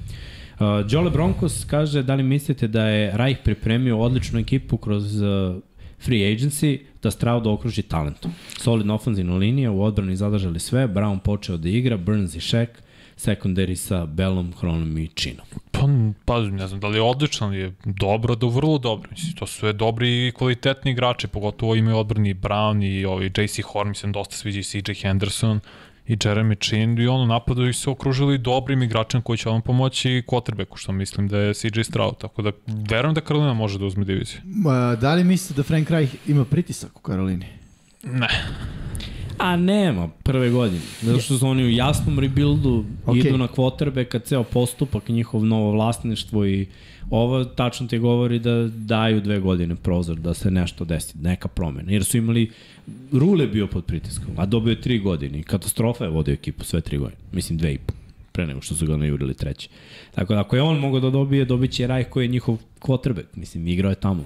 On je ipak Da, da. Ne, njihov čovek. Čovek franšize i za njega veruju da je ono quarterback coach jer je igrao quarterback i da može da napravi novog mladog quarterbacka. Tako da ove godine ne, Ja ne verujem. sledeće godine moguće. Pritom divizija mi se raspada. Da. Ništa, očekivanja mislim da su baš minimalne. Da, očekivanja jesu minimalna, ali ja ne mogu da vidim da Karolina bude ono, konkurentna. Da, da, da, ne mogu da vidim da ovo kao bude neki temelj za nešto dalje. Mislim, to je moje mišljenje, nemam Pa, pojma. Nije, nije- me nije oduševio. Frank Reich sa head coachom na head coachu, mislim. Da. Nije, To mi, nije, nije- meni nije, nije put. logično. Imamo pitanja, pa ajde da, da se Ajde, ajde. bacim na to. Uh, šta mislite o Chicagu za predstojuću sezonu? Mogu li da urade nešto u diviziji, eventualno odu u playoff? Ako ode Rodgers, da. Mogu Pa, da, da, da, onda Green Bay nije više ta ekipa i Ne moramo da ih srozamo. Da, ne bi, ali, ali Ali otvorenije divizija. drugo mesto je otvoreno. Onda su svi manje više Treći. na istom nivou. Mislim, ne, Jesu. nije meni ni Minnesota, Nijanse. Ni meni Minnesota nije. Mislim, on, Da. Green Bay bio prošle godine treća ekipa. tehnički da. Detroit je bio broj drugi. 2 jer ih je dobio u poslednjem kolu, Minnesota otišla u play-off, jedna ekipa je otišla, Chicago je bio na dnu. Ali, mislim, ako Green Bay ostane na trećem mestu, Chicago bi mogao da se bori za to treće. Mislim, pod uslovom da Detroit od, odradi još jednu dobru sezonu. Ja mislim da će Detroit biti tu favori, jer Minnesota je dobila 11 utakmica na jedan posed, mislim, nisu izgubili. To No. se ne dešava, to se prosto ne ponavlja u NFL-u na dve godine za redom, tako da mislim da će oni se vratiti u neku normalu, da se spuste na zemlju. Detroit. Ne, ne, Minnesota. A, Minnesota. što su vezali 11 pobjeda, onda Da, da, da. da. sa Pa jednim ili manje posedom. Tilena, koliko god da... A, drugačija ekipa kad imaš JJ i Tilena, drugačija kad imaš samo JJ. Znaš, mm. Mhm. biće to... Detroit mi Lošija tu ekipa. favorit, iskreno. Vidjet ćemo. Dobro. Što imamo još? Ima, ima. Pitanjca. Komentar na potpisivanje Baltimora. Mislim da Lamar ima sve više i više razloga da ode. Kaže Emin Zobač, nemoj brate, nemoj tako. E, si vidio od nekog agenta što je Da, kao... nije to agent. To Nije je, agent. To je lažni agent. Da, da. da. Bukvalno lažni agent. To nisu Dvostruki pomenuli. agent. Da, da. Fake. To je njegov predstavnik u javnosti. Ali s njim timovi ne smiju da pričaju. Da. Što znači predstavnik u javnosti? Je To reprezent. aj samo kažem, je li to Ne tipa ja otvorio Gmail i šaljem ili je neki Ne, ne, čovjek, mislim. Ne, ne, Lamar poznaje tog lika. Da, da, da. Aha. Mislim, samo on mu nije agent, jer agent uzima procenat, a ovaj mu je savjetnik. Nazovi. Nazovi. Mislim, ne, ne, nemam reč. Ne Ali ajde kažemo, uh, NFL je poslao zvaničan memo svim ekipama Tako je, da tako ne je. pričaju s tim likom, Tako je, jer taj lik nema nikakva ovlašćenja u Da. celoj toj priči. Ima ovlašćenja da priča u ime Lamara, ali nema da pregovara. On može da ode na televiziju i da priča. Ne me razumeš? Uh, razumem te, odnosno sve što on kaže odražava Lamarova razmišljanja, Da, ali... ali ne sme da pregovara. Tako je, samo Od- Lamar sme da, da. pregovara, nema agenta. Da, da. I ovde baš imamo pitanje koje je vezano da li Lamar ne dobije ugovor samo iz razloga jer nema agenta, koja bi bila njihova svrha ako dobije maksimalni ugovor. Pa, svrha agenta je da ti kao igrač ne razmišljaš o tim stvarima, nego Tako da se je. prepustiš treningu, da, bu, znaš, da si posvećen drugim stvarima, umesto da sad dva, dva sata, dva dana priča sa timovima, razmišljaš, pregovaraš, ti odeš na teren i bacaš. Jeste. A i To ne samo to, posao. kao i svaki mešetar. posao, pa jeste. Posao agenta je da pomiri dve strane. Ništa drugo. Pa i da Mislim, pre- na realno. pa Znači, i da. on treba da priča i da tebe kao igrača ubedi da si se precenio, a da ekipu s druge strane ubedi da su te pocenili. Pa ne, I da uzme proviziju, naravno. Tako je, mi da čuje, mislim, ne treba, teško je, verujem iz Lamara, da čuje od GM-a, trenera, koga god, ti si loš u tome, tome i tome, to je posao agenta, da čuješ šta je sve loše i da njemu ne preno, prenosi to nužno, A znaš šta, nego samo da stvori najbolji deal. Vidi, e, slažem se za taj deo dila, nije mi čak ni to, nego s druge strane, znaš, e, pazi, ono, vraćamo se na američko društvo i kapitalizam. Specijalizacija. Ti si neko ko u broju, u svom telefonu ima brojeve svih vlasnika NFL-a, drugih agenata, e, predstavljaš još 5-6 igrača, Da. imaš iskustvo i znaš kako da razgovaraš sa ljudima, znaš ko je kakav. Lamar to ne zna. Znaš, ja sam siguran da Lamar nema izveđen odnos sa sva 32 vlasnika NFL ekipe. Verovatno nema sa više od nekoliko. Znaš, i to su sve stvari koje sputavaju. To je uloga agenta, pogotovo u Americi. Znaš, taj neko ko će da ide da igra golf tamo sa ovim da pregovara, da jede neki, neki kavijar za 3 soma dolara, dok li ti kao sediš kući, misli se ti on to naplati. Ali ovaj, kao uradi ono što je najbolje za tebe. Znaš, jer sad Lamar sedi i on je sam. Znaš, sva razmišlja, mislim sam. Ima on tu sigurno nezvaničnih savjetnika u vidu familije, rođaka i ostalih. Ne, ima oni u Zvanični sa nekim, da, ima ljude oko sebe koji se bave tim poslom i koji su mu savjetnici, samo oni ga ne predstavljaju tim pregovorima sa timovima. Mislim, okej, ne možemo da kažemo da igrači koji sami pregovaraju ne dobiju, Rokan Smith je dobio baš s Baltimorom ugovor. Sam je pregovarao, mislim, isto je došao bez agenta i dobio odmah. Sad, sve to zavisi. Opet Lamar ima jed, jednu viziju, zna šta želi, Baltimore to što on želi obično ne daje, da li će dati, da li neće. Mislim, baš će biti ovo drama. Ovo je, znaš, mo, možda se sve ovo pakuje i da bi konstantno bila neka tenzija u free agency. Jer ako ovo ne bude rešeno, ovo će biti tema svakog dana. Mislim, kod njih je ovo tema svakog dana, svake nedelje iskuči nešto. Da. Pa je on izbacio da će Lamar intervjuisati samog sebe i da će staviti na svoj YouTube kanal. Ne razumeš? Znači, to je sad sve ono, povlači jedno drugo, ali ja sve mislim da se to medijski Da, da, sigurno. radi Ima- namerno. ima tu i znaš. poluinformacija. Ako bude potpisao za Baltimore na kraju, ja sam ubeđen milion posto da se ovo sve radi da bi Baltimore bio u pažnji, ono, u centru pažnje. Pošto nikad nije. Ono, osim kad se osvoji nešto, a to je jednom u 10 godina. 20.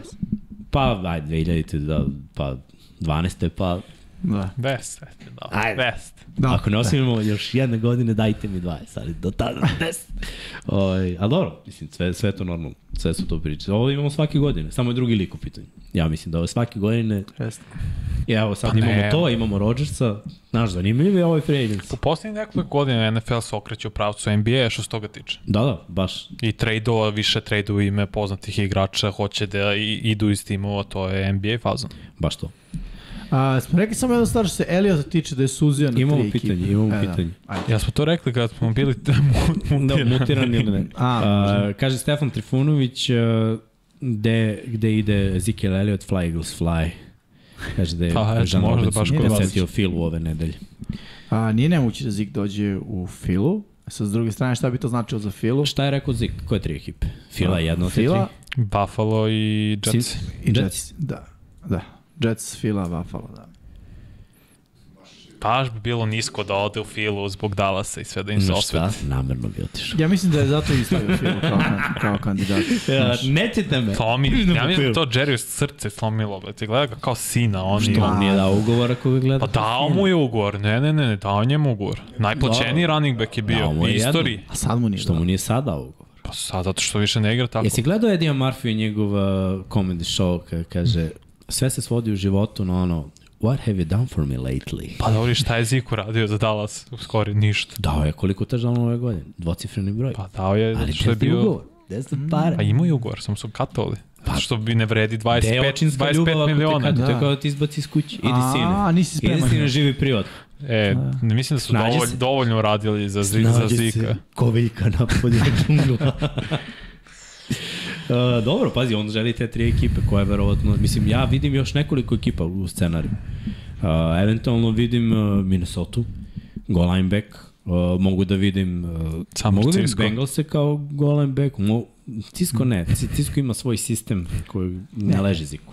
E, I ne bi To to, je zone bilo. read sistem. Znači, Ziku treba power sistem i da znaš da je goal line back. Znači, njemu treba da, da uloga bude vrlo jasno definisana. Znači, ulaziš samo u situacijama kad je kratka jardaža potrebna, jer on i dalje trči agresivno s niskim težištem da osvoji 2-3 jarda. Sad je problem što on više nema to preko 5-6 što je imao nekad.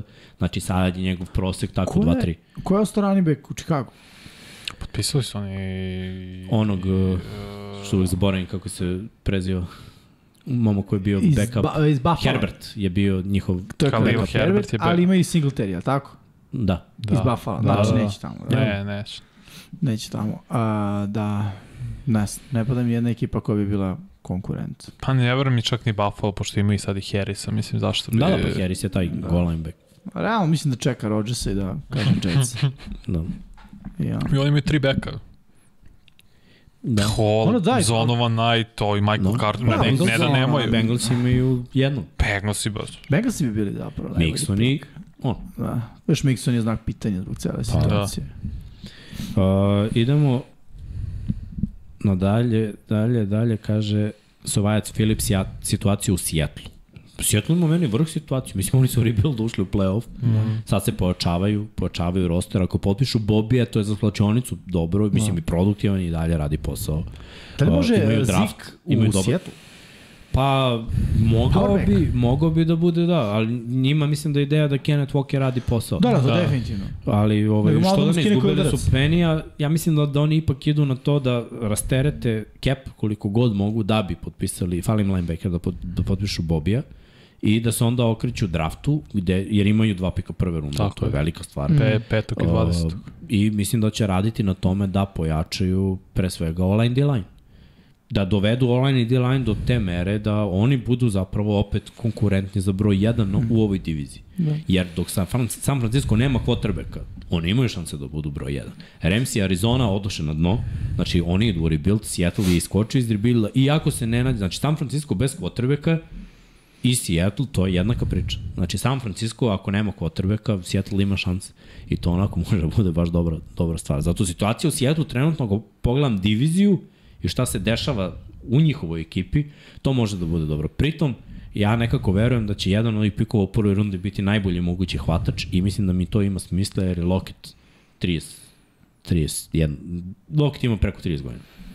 I dobio je ugovor, zaradio je, McAfee mlad, Yes. i dovedeš nekog da bude broj 3 i da polako loketa onako šalješ mm. ako već krene da pada s produktivnošću. Ja bih gledao D-line, mislim, fali mer, fali ta Fali, jačina i fizikalnost u defensivnoj liniji, tu odbranu baš povuku i naprave mnogo bolje nego od prethodne godine. Bila je dobra, mislim da može sad, sad biti mnogo, mnogo bolje. Može. Mogu da potpišu nekog od ovih slobodnih. Mislim, pazi, Janik Ngakve, O. Bobby Wagner mm. i još malo draft.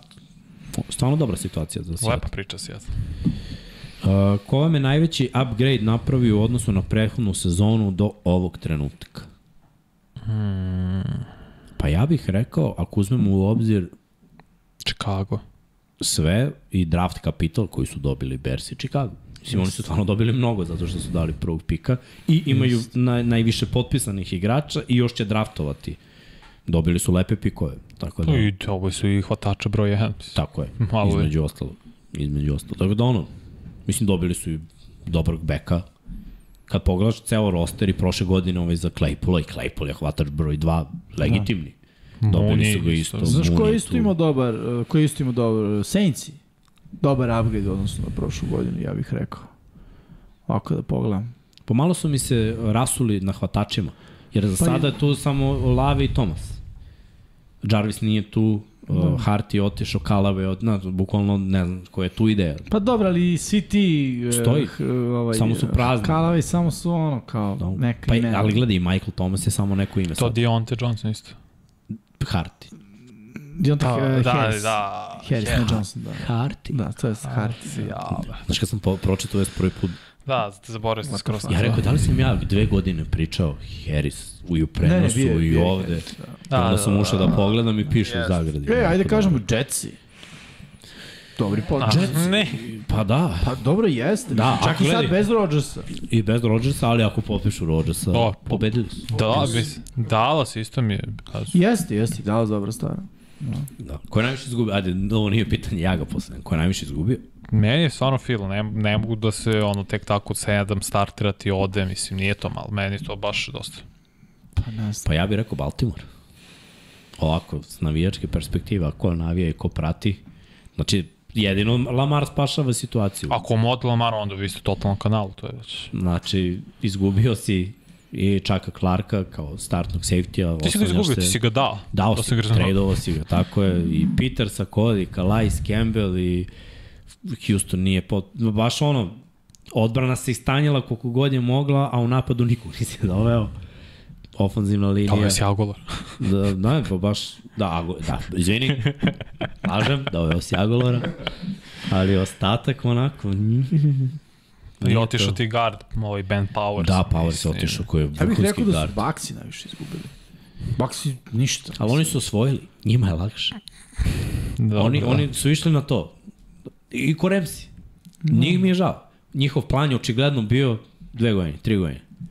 I odradili su posao dve, tri godine mm. i ušli su u Super Bowl i osvojili Super Bowl. I jedni i drugi. Veterani quarterbackovi će se povući, svi ovi igrači će se unovčiti, otići levo desno, a oni su ispunili kao franšiza, mislim kao vlasnik, to ti je bio cilj. A to šta su Baxi, mislim, Sam Tom Brady izgubili. Tradovali su Shaq Masona, takođe. Dobro, ne sam sad navodim. Otišao je ovaj linebacker. Nije. Nije Lavonte David je potpisao. Ostojim. A Devin Ostao. White? Tu je. Otišao je drugi cornerback ovaj, sa dva prezimena. Uh, Bounty, Bounty. da. Murphy Bounting, da. On je otišao, mislim, sem toga, Cameron Braid. njega su Otišao. katovali. Fournette, pa otišao I nije to. katovali. Da, da, Da. ne sad napravimo, Da. mislim. Da, da, dobro, to su zbog kepa, ali da, izgubili su ih, mislim, de facto nisu tu. Uh, online im se dosta istanje. Uh, prethodne godine. Da. Da. Donovan Smith, Smith. Isto, da, on je slobodno agent i dalje. da, i dalje nikoga nije potpisao. Jesi, pravo si. Uh, pa i pravo ovaj će se verovatno Jensen povući. Moguće. Jer ne znam što nije do prošle sada. godine- Mislim, Teo je pa zbog Brady-a. Ja kažem, Brady ima taj uticaj na ljudi. Ne, ne, ne znam što sad, do sad nije Aha. već to uradio. Pa, Ako, Verovatno sluškuje da on konkurentnoj ekipi treba. Pa on, verovatno zbog toga. Da. Šta imamo još od pitanja? E, od pitanja, to bi bilo to. Imamo pitanje, Bojana pita kako komentarišete izjavu Kema Newtona, bili smo mutirani verovatno kad smo pričali, pa možemo da ponovimo Možemo. da, da je bio na kombajnu. Na i- prodeju. Na prodeju, da, i da je odradio te, te neke vežbe i da je posle toga izjavljivao da je bolji od kao, nije ni jedan 23-godišnjak bolji Aha. od mene. To, kao, ali sa capital M i F između toga. Tako da, ono, št- kako da komentarišem? Ja, ja smatram da su najbolji dani Kema daleko Plus vam perfeka, davno prošlo vreme. Znači nije to sad više ni 2, 3, nego to je već 5, Pet, 6 šest. godina unazad, što je mnogo i mislim da može da, kad bi on mogao da se pomiri s činjenicom da je backup, po mom mišljenju, bio bi backup, ali pošto on ne može, jer bolje je backup od Jacobija Briseta, koji u svojoj glavi Da li- rekao, ja sam backup quarterback i radim to što treba i oni su rekli, važi sine, evo ti 8-9 miliona. Mogu je tu bude dobar i- backup u Chicago. Ali da li je bolji ko Recimo. backup? Ja, hop, Cam nije dobio meč od 2020. Mislim, Mislim, Pa da, ja sam rekao Arizona, zato što je Mari povređen, pa bi igrao. Mislim, nema ko da igra. Prvih pola sezone, kako god, pa bi možda i vidio on i shvatio, ok, nije ovo više za mene. Možda backup tam, ne znam. Meni se Cam, nažalost, kakav je bio tih tri prvih, tri, četiri godine u ligi, ono, dominator do tada, slobodan pad. Istino, ne, ne govoriš nešto što nije tako. Samo, znaš, opet taj mentalitet Jest. malo i govori o tom. Verovatno bi drugačije igrao da ima taj mentalitet. Njegov mentalitet da mora se dokaže da bude starter, verovatno ga gurne u neke poteze koje kao backup ne bi morao da praviš. Znaš, ti ako hoćeš da budeš starter na trećem za lupom pet, pokušat ćeš prvi down po svaku cenu nešto, a kao backup, ma, pantovat ćemo pa ću uđem opet, mislim. Drugačije razmišljaš kada želiš da se dokazuješ, drugačije razmišljaš kada nešto odrađuješ. Backupovi uglavnom odrađuju posao. Da. I ako odrađuju posao dugo i dobro, večito su backupovi. Imaju šansu ono, da, da budu 10 godina I to na je, toj, bre, lep posao. kako kažu Blue Mountain State, onaj Burazer, ko, što mu rekao trener, dobro igraš, možda budeš starter, bacio odmah pet interception. da bi bio na klupi. Najbolji život je backup quarterback. Ne ulaziš, sediš na klupi, A plaća se. a plaća se. Ali imaš taj moment neostvarenog potencijala Da. koji te prati ceo život. Ma nemaš, za neki ni nemaš, oni su zadovoljni. Hoyer, Pa nije mislim, da brat, zadovoljni. Ne, ali znaš kako, razmisli ovako, ja sam jedno razmišljao iz te perspektive. Svaki igrač koji dođe u NFL na svom koleđu bio super zvezda. U svojoj srednjoj školi, mega zvezda. I dođeš ovdje, odjedno si, niko ništa. Treći, peti kube, boriš se Jedan da od. budeš tu. Jedan od, bravo, jedan od. Ima Koji verovatno neće ni imati priliku da se dokaže. Na trening kampu se recimo peti quarterback Dallas Cowboys. O, svi znamo da je Dak Prescott broj 1. Pa Ne ne znam ko je broj kuperaš, na primjer. Ja ne znam kako kuperaš izgleda. Evo, kunem ti se, ja stvarno to sam i slušao neko isto Rush priča. je mladi Andy Dalton. Ne, pa, da, pa Jeste. evo sada prođe, znaš da dođeš ovaj prođe, ne, ne da bi... prođe zna- Dak Prescott, ne bi ga prepoznao. Znaš, to je backup. To je backup, on uđe, odradi svoj posao, ti ne znaš ni kako on zvuču, zvuči, ni kako izgleda, malte ne, to Da. je to. Odradio svoj posao, vraća se posle na klupu, uzme slepe pare, pa jes, nevidljiv skoro. Dobro, neki backupovi dođu do Pro Bola. Neki do Superbola.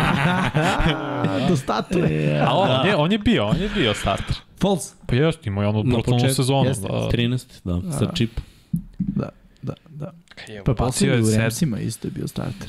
Da. Je Foss bacio 7 Ma, bio je touchdownova starter, na jednom da. meču. 2003. Ja ga imam, Kakva karijera. ja ga imam te godine, pazi.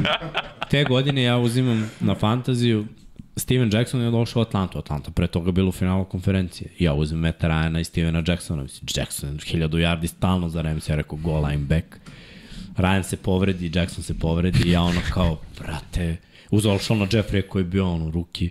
Keenan. Allena. I sad razmišljam i rekao, Nick Foles. Ajde, ako ga je uzao ovaj bo- bolji od Vika, stavljam njega. Brate, ta tekma dolazi, on baca sedam touchdownova. Ljudi, ono, vidi, ja gledam ovako. Gori. Samo poeni, brate, gore. Pa kad je bila ona utakmica snežna, igrali su tada, u, mislim da su igrali u Buffalo tada, mm -hmm. kada je Shady McCoy istračno, znači, ja sam tada, Jest. ali pazi, Foles je bacao tada. Ja nisam znao i stav, ostavim, nisam menjao ništa u petorci. Mi su tekma ko tekma, kad se ono pojavljuje sneg jedan metar. Fila izdominirao, ovo je stvarno dodavao, brate. Nisu, I još su igrali za dva pojene, nisu mogli da šutu. Razumeš? Znači tu je imao... Bocno. Da, ja rekao, vidi ga, false. Tad me kupio. I onda je bio katastrofa do Superbola. Onda svoj Super Bowl čovjek, mislim, dobio statu, mislim, čemu pričam. To je, to je legendica. Što se tiče drugih pitanja, vidim ljudi, tih ste do duše i nemamo vas mnogo, tako da dobili smo ona pitanja koja smo mogli. Odradili Ajde, smo mi postavimo pitanje. Ljudi, vam se sviđa novi termin. Da, to... 7, 8 ili 9. Pišite Ajde. komentare i sad u live-u i pišite posle da uzmemo to u obzir, jer nama sad trenutno ne menja puno. Sedam nam možda nekako najviše uh, prija zbog uh, života, ali zbog vaših života spremni sam da pomerimo na osam. Da, Da. pa ja nisam znao da Partizan igra sada, mislim, i to Pa uvijek se igra. Znaš, ovo, Pa da, petak, ne. je, petak je, ja uvek kažem, petak je zbog Eurolige i Eurokupa. Koliko, da, koji ovaj, i se uvijek igra četvrtkom i petkom. To je ono malo pipavo i sad. Igrom slučaja ne radim jednu tekmu sada, ali da, daje neka, Dobro mi bismo se da, da, prilagodili. ne, ne, neizvodljivo. Ali eto da vidimo, evo, za sada sve je devetka. Devetka, jel? Da, četiri, četiri odgovora.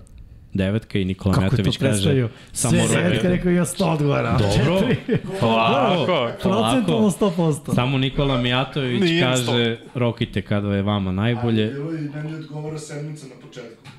To sam ja vidio. Jesi vidio? Dobro, to je početak. Če, početak je početak. Svaki Ka- kako petak kaže, izuzetno. Glumila ono filmu kraj početak. a Početak početak Kraj, kraj. Kako se zove? Ali više ima ovih za 21. Mislim, znaš šta, mogu da razumem kad ljudi, ne znam sad radna vremena, ko šta radi i kako, ali mislim da manji procenat ljudi radi ono prepodne, prepodnevnu smenu da se završava 5-6, da dosta ima i prepodne i popodne i onda, mislim, svakako ja podcaste neke koje ne mogu u live-u odgledam kasnije. Da. Nekome možda guš tu u live-u, mislim. To se ne, ja ne komentarišem u live ništa, Da. ni u jednom, ali neko voli da Ti si ghost follower. Da, jedino ovde budem Akčer. čet troll, pa ne malo, Troll po troll. pa vas zezam ovaj, kad- kad sam bolestan ili tako nešto, ali Da. evo imamo odgovor i osam i imamo Znači, dva osam. odgovora osam, Nema neko da je rimuo. Tri odgovora osam, jedan samo za Pa to je za negdje 19. između pola puta između 7 i 9. Ja sam pola osam. ne, pola. Znači, pola devet. Ovaj, to bi moglo da bude isto Osam, ovaj termin, Da. da. Pita Popović Ivan kada ćete postaviti, predstaviti logo 1 na 1? U izradi. U izradi. Je u da. izradi i dalje, Jest, jest, Dobro. pravi, pravi ortakinje. I Siluet, muzička crta. podloga za špicu takođe u izradi. Kaže, Expinium kaže, mesecima ne izlazim u grad petkom jer gledam vas traći. Au, Pozdrav. svaka čast. Spinio. Pozdrav. Svaka Dođi ovdje u studio. Ali dođi ovde, pa izlazimo posle svi zajedno. A bar na piće. Da. Mada ja kad on završim u ponoć ili posle kad prođemo ovde nema, nije više taj noćni život. Ma, to nije, je ima. kapira se održava, da se dešava u nekim zatvorenim prostorijama. Pa ima. Imaš ovde Da dole, smo ispod nas. matori. Šta ima? Pa, Restoran. restoran. restoran, tri, pa dobro, to je, nije baš restoran. restoran. Da, to baš kažu, kažu restoran. večeras igra Partizan i futbol Srbija, to nisam znao. E, šta? ja Ja, znao. sam čudo. A šta igra Srbija Evropu. Sa Litvanijom igramo fudbal. Kvalifikacije. Za se- Mogu da postavim jedno Pitanje koje nije, mislim, Reci. zlonamerno. Litvanija igra fudbal. Aj, Svi igraju futbol. svi igraju futbol, brate. Lopta je oko. Samo da znaš, dobio si kritike za komentare Ja, o fudbalu jesi, da. prošle nedelje. Stvarno? Da, Da. rekli Dobro, su da... ja se izvinjam, ali to je moj, mislim, ja opet kažem, ne osporam nijedan sport. ja znam da je to najpopularniji sport na svetu, ali ovaj, no, no, ne, ne delim prosto fascinaciju. S druge strane, ima tih top klubova i igrača i to ne osporavam, ali ako uzmemo uz... Prosto, uh, neću da dubim temu, jer mogu da se zovem još više gneva, ali hoću da kažem, e, kvantitet ubi, uvek ubija kvalitet. Mislim, to je, to je bila cela poenta priče. Da se futbal ne igra toliko random, da ne postoji 65 beton liga samo kod nas, a siguran sam i širom sveta, da bi bio gledljiviji na, sva, na svakom nivou koji ima smisla. To je sve što sam hteo da kažem. Mislim, prosto, ono, toliko ima liga, podliga, nadliga, ne znam nija čega, i tu se gubi kvalitet, mislim, realno. I da ne uđemo onda još u, u novu dubiozu koja se zove ozbiljan biznis slash nameštanja možda kriminal, ne znam, mislim, priča se svašta. Miksa, ako Miksa potega da se u NFL-u namešta, pa onda majku mu i imaju u drugim sportovima, sigurno. Pa, Gde mi zvonce? Šta bre, Dosta. u, da, u Kalču su nameštali što ne bi ovde.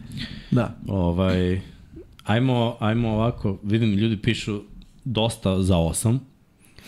Mogu ima, to da ima ovde, bitno je da utvrdite termin i da se ne menja, stoji. Istina. Ali dok je ovaj upravo off radimo. season, mi pokušavamo da, da nađemo da bi utvrdili. Tako da probali smo 8, probali, probali smo 8 i 7 da vidimo kako se mi osjećamo Da. da radimo 8 i 7 jer bilo je situacija u 9 da, da ono, ve, već je kraj dana, ugla bili i u Nedelje. 10, kad je tipa meni bila košarka od Jest. 8 do 10, ja dođem ovde u 10 i 15 posle prenosa i onda ostanemo do 1 i ovaj, budemo malo istrošeni i onda zbog toga tražimo, ali eto, sa srđanovim hiljadu, ono, jednom obavezom, on ne dođe na ovo u 7. Da. Ili je sad, je ušao? Nije. Nije, Samo vrata se vetar.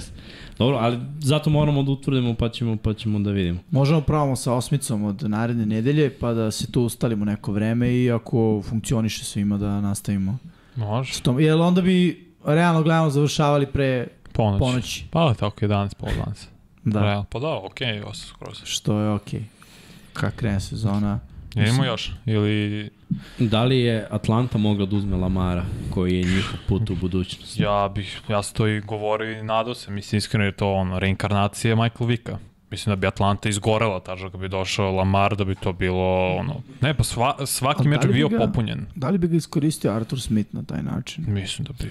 Pa Arthur Smith ima zamisli uvek da izvuče maksimum iz igrača, stvarno ima dobre šeme. Da, Mislim, ako je radio play action sa Tannehillom, mm. da bude najbolji u NFL-u. Zamisli kakav bi play action bio sa Lamarom. Plus Lamar će imati napokon, mislim, mnogo bolje hvatače nego u Baltimoru.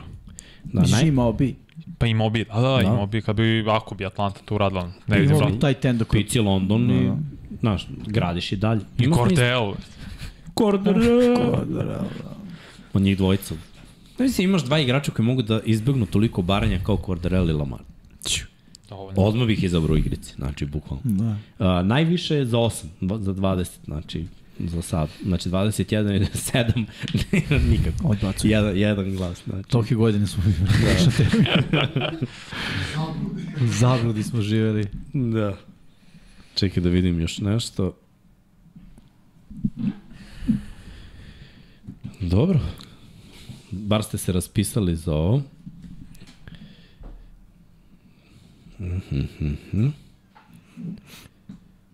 Kako vam se sviđa thumbnail, ljudi? Recite, mi smo se malo ša, našalili. Može svašta da predstavlja. Pita Emin Subašić šta mislite o Lakersima koliko mogu u play-offu ako budu ušli u play-off. Pa ako budu bili zdravi... E, u Izos? Sviđa mi se Austin Reeves, bre, baš igra lepo Kažu da će da, da ovaj, možda potegne nemačke papire da igra za, za nem... Baba bilo mu je super. valjda Nemica. To bi bilo Aj, sjajno aj. za, iskreno za košarku, ja volao bi to, ali ako su zdravi, stvarno imaju dobre šanse, jer zapad nik ne zna šta ćeš, ko, ko gde, šta, sve nešto malo povrede, malo pad u formi, čas se vratio. Ako se vrati Lebron, oni... Mislim, gledaj, razlika na šta ne, znam, ne pratiš, ali... Zašto nije Just sub, suspendom 50 utakmica? Ne, ne, Ne, osam na kraju. Os, na kraju. A zato što je NBA, Nije, ne, nije bio njegov pišt. Da, da da, nije bio i vodeni možda. Možda, ali nemaju dokaz.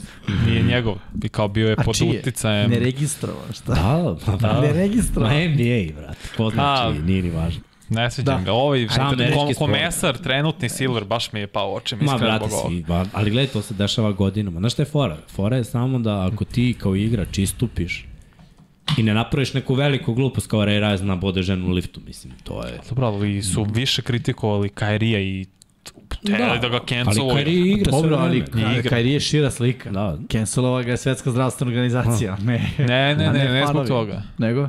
Ima i nešto drugo. Pa ne, ovo što je ima, bilo ima. za antisemitizam. Da, gledaj, sve ima... Nisam upoznat. Ali uvek dobije šansu, to je point.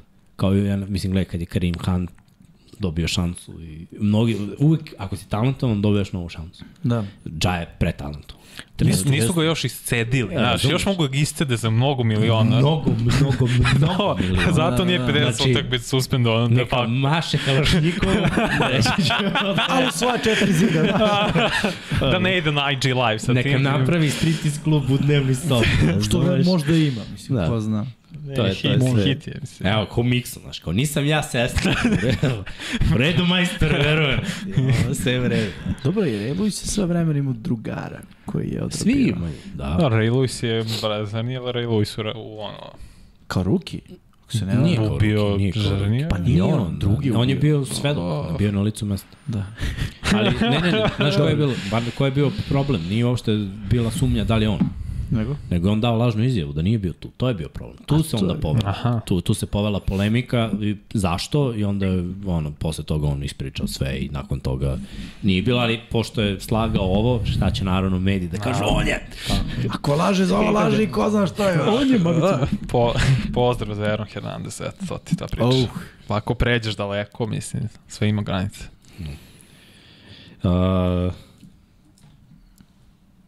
Da. da vidimo, da vidimo dalje, da vidimo. March Madness je baš Madness. Jest.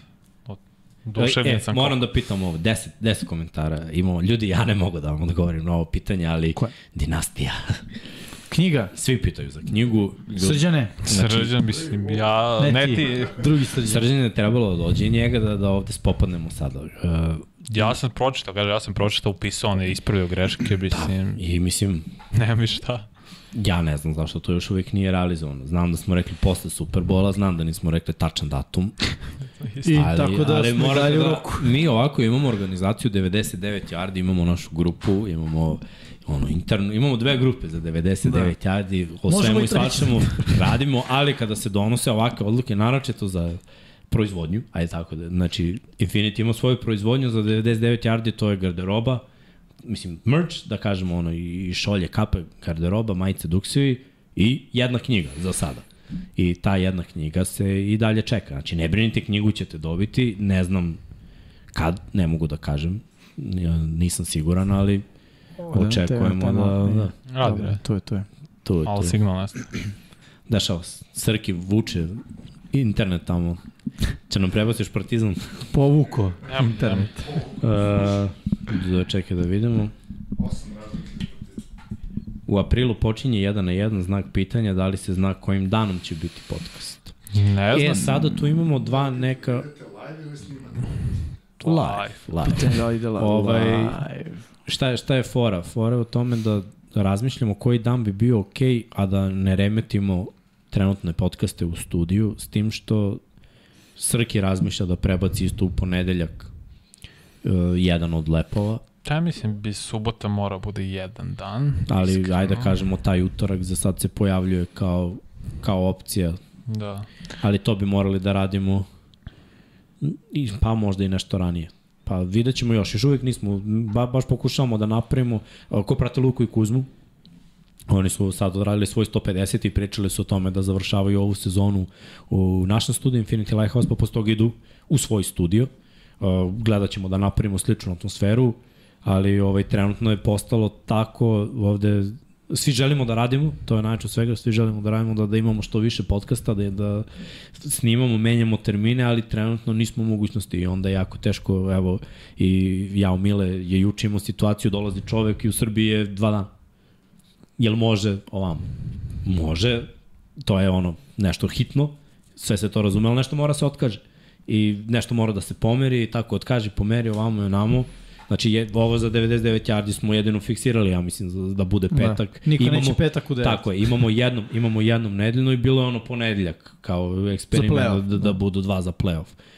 Sad Vanja, baš tražimo ta dva neka termina da, da bismo to uglavili. I mislim da, da jedan na jedan nije ideja da traje ovako dugo, Bi, biće kraće jer ćemo imati Oko dva kao... sata. Da, je- jedan na jedan do 21, imamo te, te, te znači, segmente koje prolazimo, grafike, statistike, prođemo i, i, i to je to. Ali iskreno jedva čekamo i ono, ba, baš radimo na tome. Pritom NBA se zahukto i ono, na zapadu mi je najjače što od četvrtog mesta do 13. mesta 3-4 pobede je razlike. Manje, Znači, čak i manje. A koliko ide u play-off? Uh, ide uh, 10. Ide šest, ide direktno u playoff, Da, šest a direktno od i još- sedmog do desetog imaš kao play-in. Da. Gde je sedmi protiv osmog A to u toku regularnog Ne, ne, dela ne, sezone play-in ili... Ne, ne, ne, sedmi na osmi igraju za sedmog sida, Da. a deveti i deseti ko pobedi ide Igra protiv protiv osmog za poslednje. za poslednje mesto. To je play-in. To je nešto novo, to od poslednjih par godina. Da. E se to gleda, završi se regularni deo sezone, tako pa je. se to dešava. Da. Tako je, tako je. Kao to je kao prvo taj play-in, da. Da. da vide ko je sedmi, ko je osmi i onda te dve ekipe ulaze, onda prvi, osmi, isto, Da. i onda sve isto. Sve Klasika normalno. se pravi. Znači prvi šest ima baj. Da. Pa da, Ne, kraj- par E, dana. To se brzo odigra. To se odigra u tri igraju, dana. Ne igraju seriju. Nego, Na tek- pobedu, jednu pobedu. Tek winner take all. A, I bilo je zanimljivo prošle godine, ne znaš ono. A to je bilo već prošle godine. Da, da, Da, da. desi se, znaš, ono, nije lako da se ta ekipa, ako se nije tempirala formula neke pobede, može da skine skalp, Da. uradi nešto. Mala je Nije razlika, nemoguće. baš kaže, mislim da četiri tima imaju isti broj pobede poraza, 36-37 na zapadu od 10. do 7. tako da je to sve na pobedu, je dve maks. Baš je, baš je haos tamo. Da, imamo pitanje kada će Seattle merch. Seattle će biti, uh, Seattle imamo mi kao posebno, ovo je bilo kao klasika 99 yardi, samo logo što nosi Jimmy, molim te, prikaži nam našeg modela. Ovaj, ali imat ćemo posebne majice sa franšizama koje ste vi odabrali gde ćemo staviti neku poruku koja je vezana kao za Seattle, na primjer 12. čovek. Mm. I tu će biti boje Seattle, ali to nam je planirano kao custom. E, to će biti isto u, u skorijoj budućnosti. Trenutno se Srke razletao s ovim sajmovima svuda. Jeste. Sajam u Novom Sadu, pa sada sajam automobila, pa uh, jurimo i neke sponzore takođe. Evo Jimmy je tu najviše ovaj, prednjačio sada ovih dana, ra- radio na tome. Pritom, kažem vam, dosta toga se snima u ovom studiju i gledamo da bude još više, gledamo da ubacimo taj NBA podcast. Tako da ma, malo kasnimo s nekim planovima, ali trebalo bi to što pre da se, da se realizuje. Kaže, dok ne uzmu džetci, ništa od knjige. Knjiga o dinastiji Jets. Knjiga o godini Jets. načekalo da bude dinastija. Da li su po vama Brownsi dobro kupovali ove sezone? Meni da, meni je Tomlinson, ovaj definitivni tackle, odlično potpisivanje im bilo neophodno jer su bili poprilično rupa na toj poziciji. Sviđa mi se što su radili sad za Elijah Moore, onaš, Loki imaju, mislim, meni imaju sada, odlaskom se umola možda i najbolju ofenzivnu liniju u, u ligi. Na svakoj poziciji su popunjeni, Dešonu će značiti go, puna godina da igranja futbala, Chubb je tu, nije više Hunt, ali okej, on je dalje running back broj 1. Da, treba im broj 2 sad kad nema ni Johnsona. Tako je. Draftovać, mislim, imaju neki draft kapital, ništa specijalno, ali dobro. Še malo kasnite sa skorijom budućnosti. Morat će, morat će neko da preuzme o, ove odgovornosti, ali da, mislim, stoji, izvinjavamo se, ali malo ljudi, mnogo, mnogo zaduženja. Tako da, ovaj, ne možemo, ne možemo sve da, Da, da ti ispoštujemo. poznata ta izreka tvoja, onako sam malo prepakovana. Malo ljudi, mnogo zaduženja. Mala bara, puno, Puno krokodila. ja, pa dobro, vrebamo, vrebamo antilope koje dolaze da se napoje. Da, da. Dobro.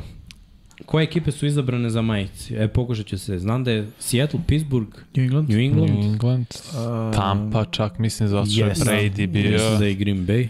moguće da je jest, bio Green jest, Bay. i Green Bay. Da. Green Bay. Bio, bio je tu još neko. Bili su i Raidersi, možda. E, Baltimore? Ne? Možda Nije- i Baltimore. Nije Baltimore. Nije bio Baltimore, izgleda samo to ćemo da ubacimo preko veze. Ali da, pet ili šest je bilo najpopularnijih. Mm. Nisu Raidersi sigurno. Ne, a? Mislim da nisu. Nego da je ovih pet, Chiefs? šest. Nisu čak ni Chiefs, to je zanimljivo. Da. Sad radimo anketu, mislim da bi bilo drugačije. A sad radim ponovno anketu. A nije fair, moramo da ispoštujemo Ne, ne, ne, tim majica. ono je Pa ćemo bilo- raditi nakon. Upisano, upisano je to. Da. Kaže, koliko košta Game Pass i kako da ga kupim, da li može da se deli? Može da se deli i najpametnije je da ga tako kupiš. Znači Jeste. da, da nađeš da podeliš s nekim, šta što više ljudi onda Mislim da može na lagano. četiri uh, nalog da funkcioniše bez problema. Da, Mislim da, može na više, ali na četiri sigurno. Da. I pogotovo ako koristite različite uređaje, bez Da, onda je problema. Ako okej. jedan gleda na smart TV-u, drugi na laptopu, treći na tabletu, četvrti na telefonu, 100% nemate nikakav problem. Da, da. Mogu svi da gledaju u isto vreme. No, mi godinama imamo i, I svi pet gledamo. opcije, izvini, PlayStation, na primjer. Da. Ili Xbox. Tako da... Pa eto i pet opcija. Da. Ali da, podelite koliko košta, bilo je pitanje. Z, e, cena pada kako sezona odmiče. A da, Pre početak sezone je 250 dolara, ja mislim. pa da, i sad ako bi uzeli, ono imaš specijale tokom drafta da bude A sniženje. ne, to gledaš imaju. samo do kraja sad ove sezone. Ali, koje, ali mislim da je Možeš još uvijek da uzmeš za tipa 10 dolara, sad možda uzmeš. A da, ali nisam siguran, mislim da njima počela nova godina. Ne, ne, nije sigurno. To ne, da ne znam, mislim da se računa od marta. Počinje Da. za novu sezonu. Mislim da nije, ali u svakom slučaju Proverit ćemo. NFL, kucate na Google Game Pass NFL i Može. odete na sajt i sve imate tu informacije. Ali kažem, kako odmiče sezona, tako cena pada. A, najskuplje je naravno na početku jer vam daje najveće mogućnosti. Imate i onu opciju da platite, kupite samo Red Zone. Mana toga je Thursday night, ne može se gleda uh, Monday, Monday night. night. i Sunday night. Saturday isto, kad budu bili. Saturday isto kada bude bio, da. Red zone plus playoff, mislim da se to dobije. Da, verujte mi, treba naći više ljudi da se podelite Da, da, i, da to je uzmete. najbezbolnije. Da, jer mislim, taj neko s kim delite sve vjerojatno s nekim od njih i gledate, tako da. Da. Ali ja znam kako mi gledamo, znači to je TV, dva laptopa i dva telefona, da i jedan nalog. I komotno ništa ne secka i svako gleda svoje. Luka gleda Filu, ja gledam Baltimore. Ovamo pustimo najbolju tekmu ko, i još nešto još sa strane. Ovaj jedan drugar gleda Bears. Ima šta sad. I to je počeo da navija za njih pre tri godine. Uf, Izabro je, kaže. Random. To je moj izbor. Chicago. Dobar tad. Khalil Možda ima Mack, nekoga tamo. Da. Roquan Smith, tako. Matt Nagyar. Da vidimo, da vidimo, da Imaš neko vidimo. pitanje? Može da se gleda odloženo, možeš da vraćaš, znači Da. da. imaš ponedeljama, uđeš u nedelju, sve utakmice su ti dostupne, dostupne u 40 minuta, Da. da. znači samo akcija. Condensed. Snap, akcija, hvatanje, zvižduk, snap. Jeste. Uh, I ima imaš coaches film. coaches film, tako iz, Svaka vis- akcija tako iz, uh, od, iz perspektive da. Kotrebe, kada kažemo, to je od pozadi Bird's i view. strane Tiče. od Tiče, oska. pa, Da. da. Da, Znači, ima, širi ugao. Da imate da je emisije, analize, Jeste. znači sve, sve, bukvalno sve je dostupno. Jeste. Total Access, sve NFL-ovo. Da, sve te emisije plus uh, kao te njihove istorijske kao što su Football Life, dokumentarci, Da. da. Sve živo. Imate i uživo, a imate i da vraćate yes. unazad, pošto oni imaju live televiziju. Uh, Good Morning Football ide- može se gleda. Da. Sve, sve može. I Ma da, može, može ovako. YouTube. Može, ima raznih, ja tako gledam i ove ostale. Da. Da, YouTube. recimo bilo je zanimljivo, ja sam upalio Game Pass kad je bio Super Bowl, ceo dan fešta. Mislim, ono, različite emisije koje imaju koje pravi. Stvarno može da se doživi tailgating na, na američki način, jer se non stop vrti nešto. Da. I ovaj, to je stvarno cool. Drži, drži pažnju, mi smo bukvalno 3 sata pred, pred početak Superbola, ono, ja sam pustio Game Pass i to je išlo. Da, da. Ovaj, i, Ma i oni prave show, i ozbiljna ekipa, zaista, to su legende. Znači, Da. sve legenda do legenda, bacaju forice i Srđan se radio, znači Partizan dobio Da, bre, razbijam. 15. Kraj a? ili? A- Ništa, ljudi, ajde ja malo da bacim oko na taj partizan, bar na finiš. Ovaj, da pogledam šta se dešava. Nadam se da ste bili dobri do sledećeg petka. Uh, šalim se, šalim se, nećemo odmah. Ali to bi bilo to, ovaj, koliko vidim nis, ništa drugo niste pitali. Pitanje imamo za Kansas City, za majice, ne znam ljudi koji su, koje su tačno, za ove neka franšize znam, ali imamo upisano, znamo koje su. A ovaj, mislim, ne znam kako će to biti ovaj, još napravljeno, realizovano, ali znam da će biti. Kad će biti, to, to je nešto što, što ne mogu da kažem još uvek. Uh,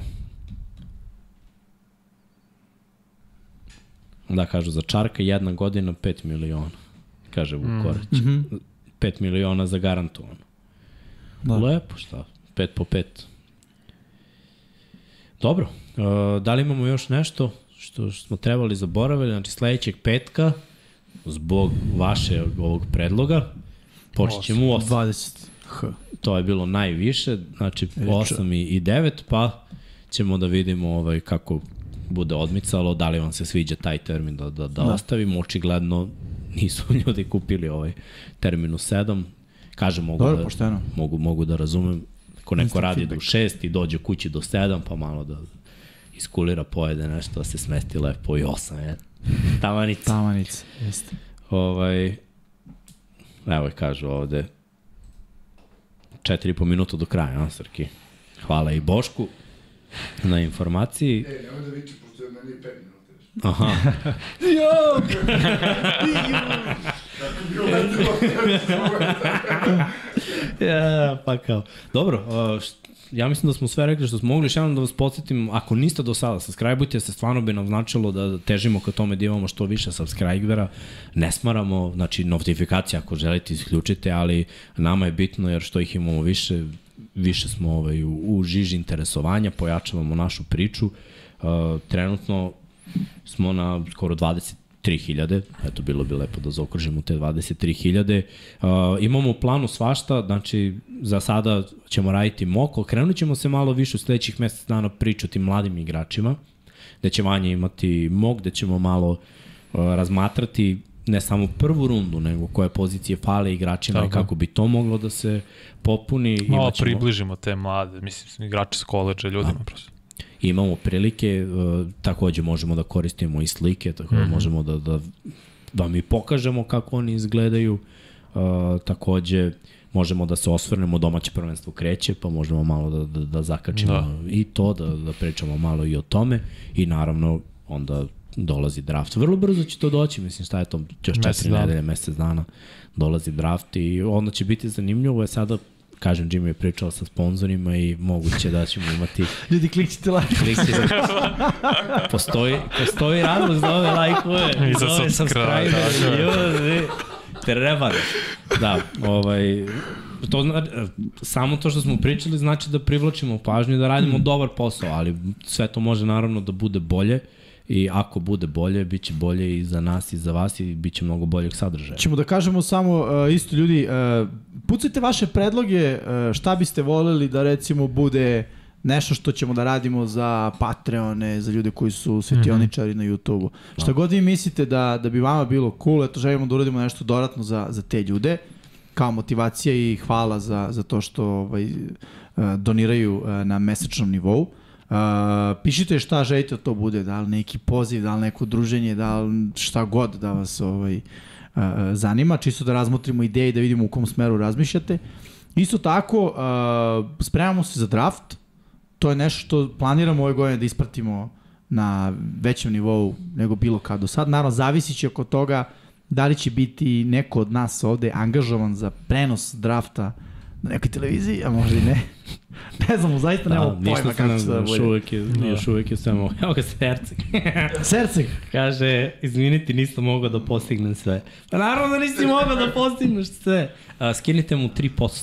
e, znate kako Srđan pravi plan? Srđan kaže ovako, aha, e, završavam nešto u 5, na sajmu sam u 5 i 5, podcast je u 7, lagano stižem, on završi u 20 do 6, na sajmu je u pola 7 i onda u 9 i 4 šalje poruku nisam stigao.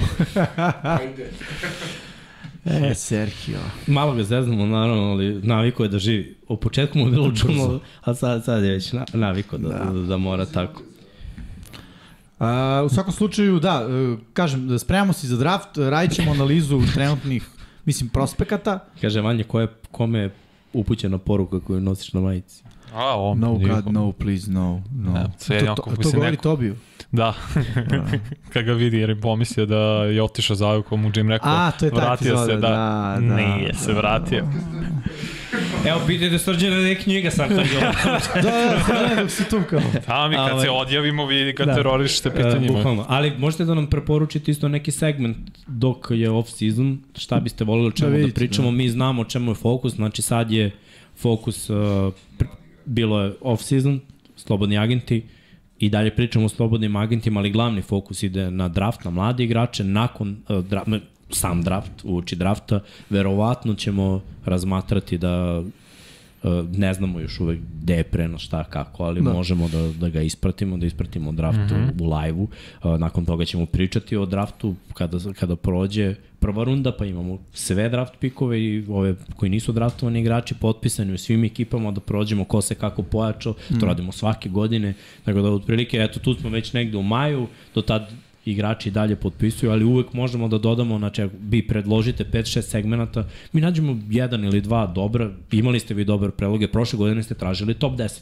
Da. Mi smo ispoštovali i odradili smo top 10 dok smo pričali o ome. Ove godine, ako želite da ponovimo, nije problem, ali ako želite nešto novo, nešto inovativnije, samo recite, mislim, mi ovo radimo i zbog vas, da. mislim, više zbog vas. I e, želim da spomenem jednu stvar, e, vezano za školicu koju smo radili futbala, e, veliki pozdrav za momke iz ekipe e, Tuzla Salt Miners, javili su se, zamolili nas da isečemo baš te delove gde smo pričali o futbolu, o napadu, odbrani, formacijama i ostalim stvarima jer su uh, oni uh, smatrali da je to jako dobro, da je dobro urađeno i da bukvalno žele da ga koriste kao neku vrstu ono materijala za svoje nove igrače. Hvala za to ljudi, uh, radimo na tome, biće to isečano kada, verovatno kad i knjiga, ali šal na stranu. Uh, ne znam, ne znam tačno kada će to biti sređeno, ali eto čisto da znate, napravit ćemo tih starih videa koje smo radili nešto što može uvijek da se koristi, uvijek može da bude aktuelno za svakog ko želi da se malo više informiše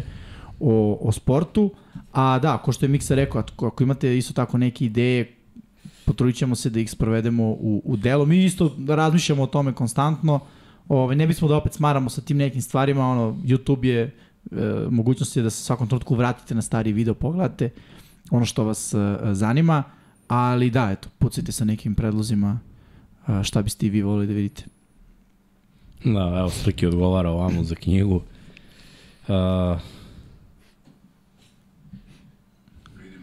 imamo, da, pomenjali smo istorijate franšiza, to je, se, to je nešto što nećemo raditi kao podcast. Da. Istorijate ekipa ćemo snimati s druge strane studija, koji je bio, bili su neki ljudi, znaju da studiju ima i ovu drugu stranu. Tamno. Uh, ta, tamnu stranu, da. Uh, tako da ćemo tamo snimiti, to je otprilike jedan kraći format, oko Desetak. Desetak, 10 15 20 minuta, ajde tako da kažem. Ne znam koliko realno se strpa u 10 jer sam radio na sport klubu ono čitanja i to kad deluje nešto da, da može, Dosta je 10 minuta. da, ne bi verovao ka, To je ka, kao kako ide. kad radiš plank. Minut, Da. kapiraš koliko je zezuta. Baš to. Merna jedinica.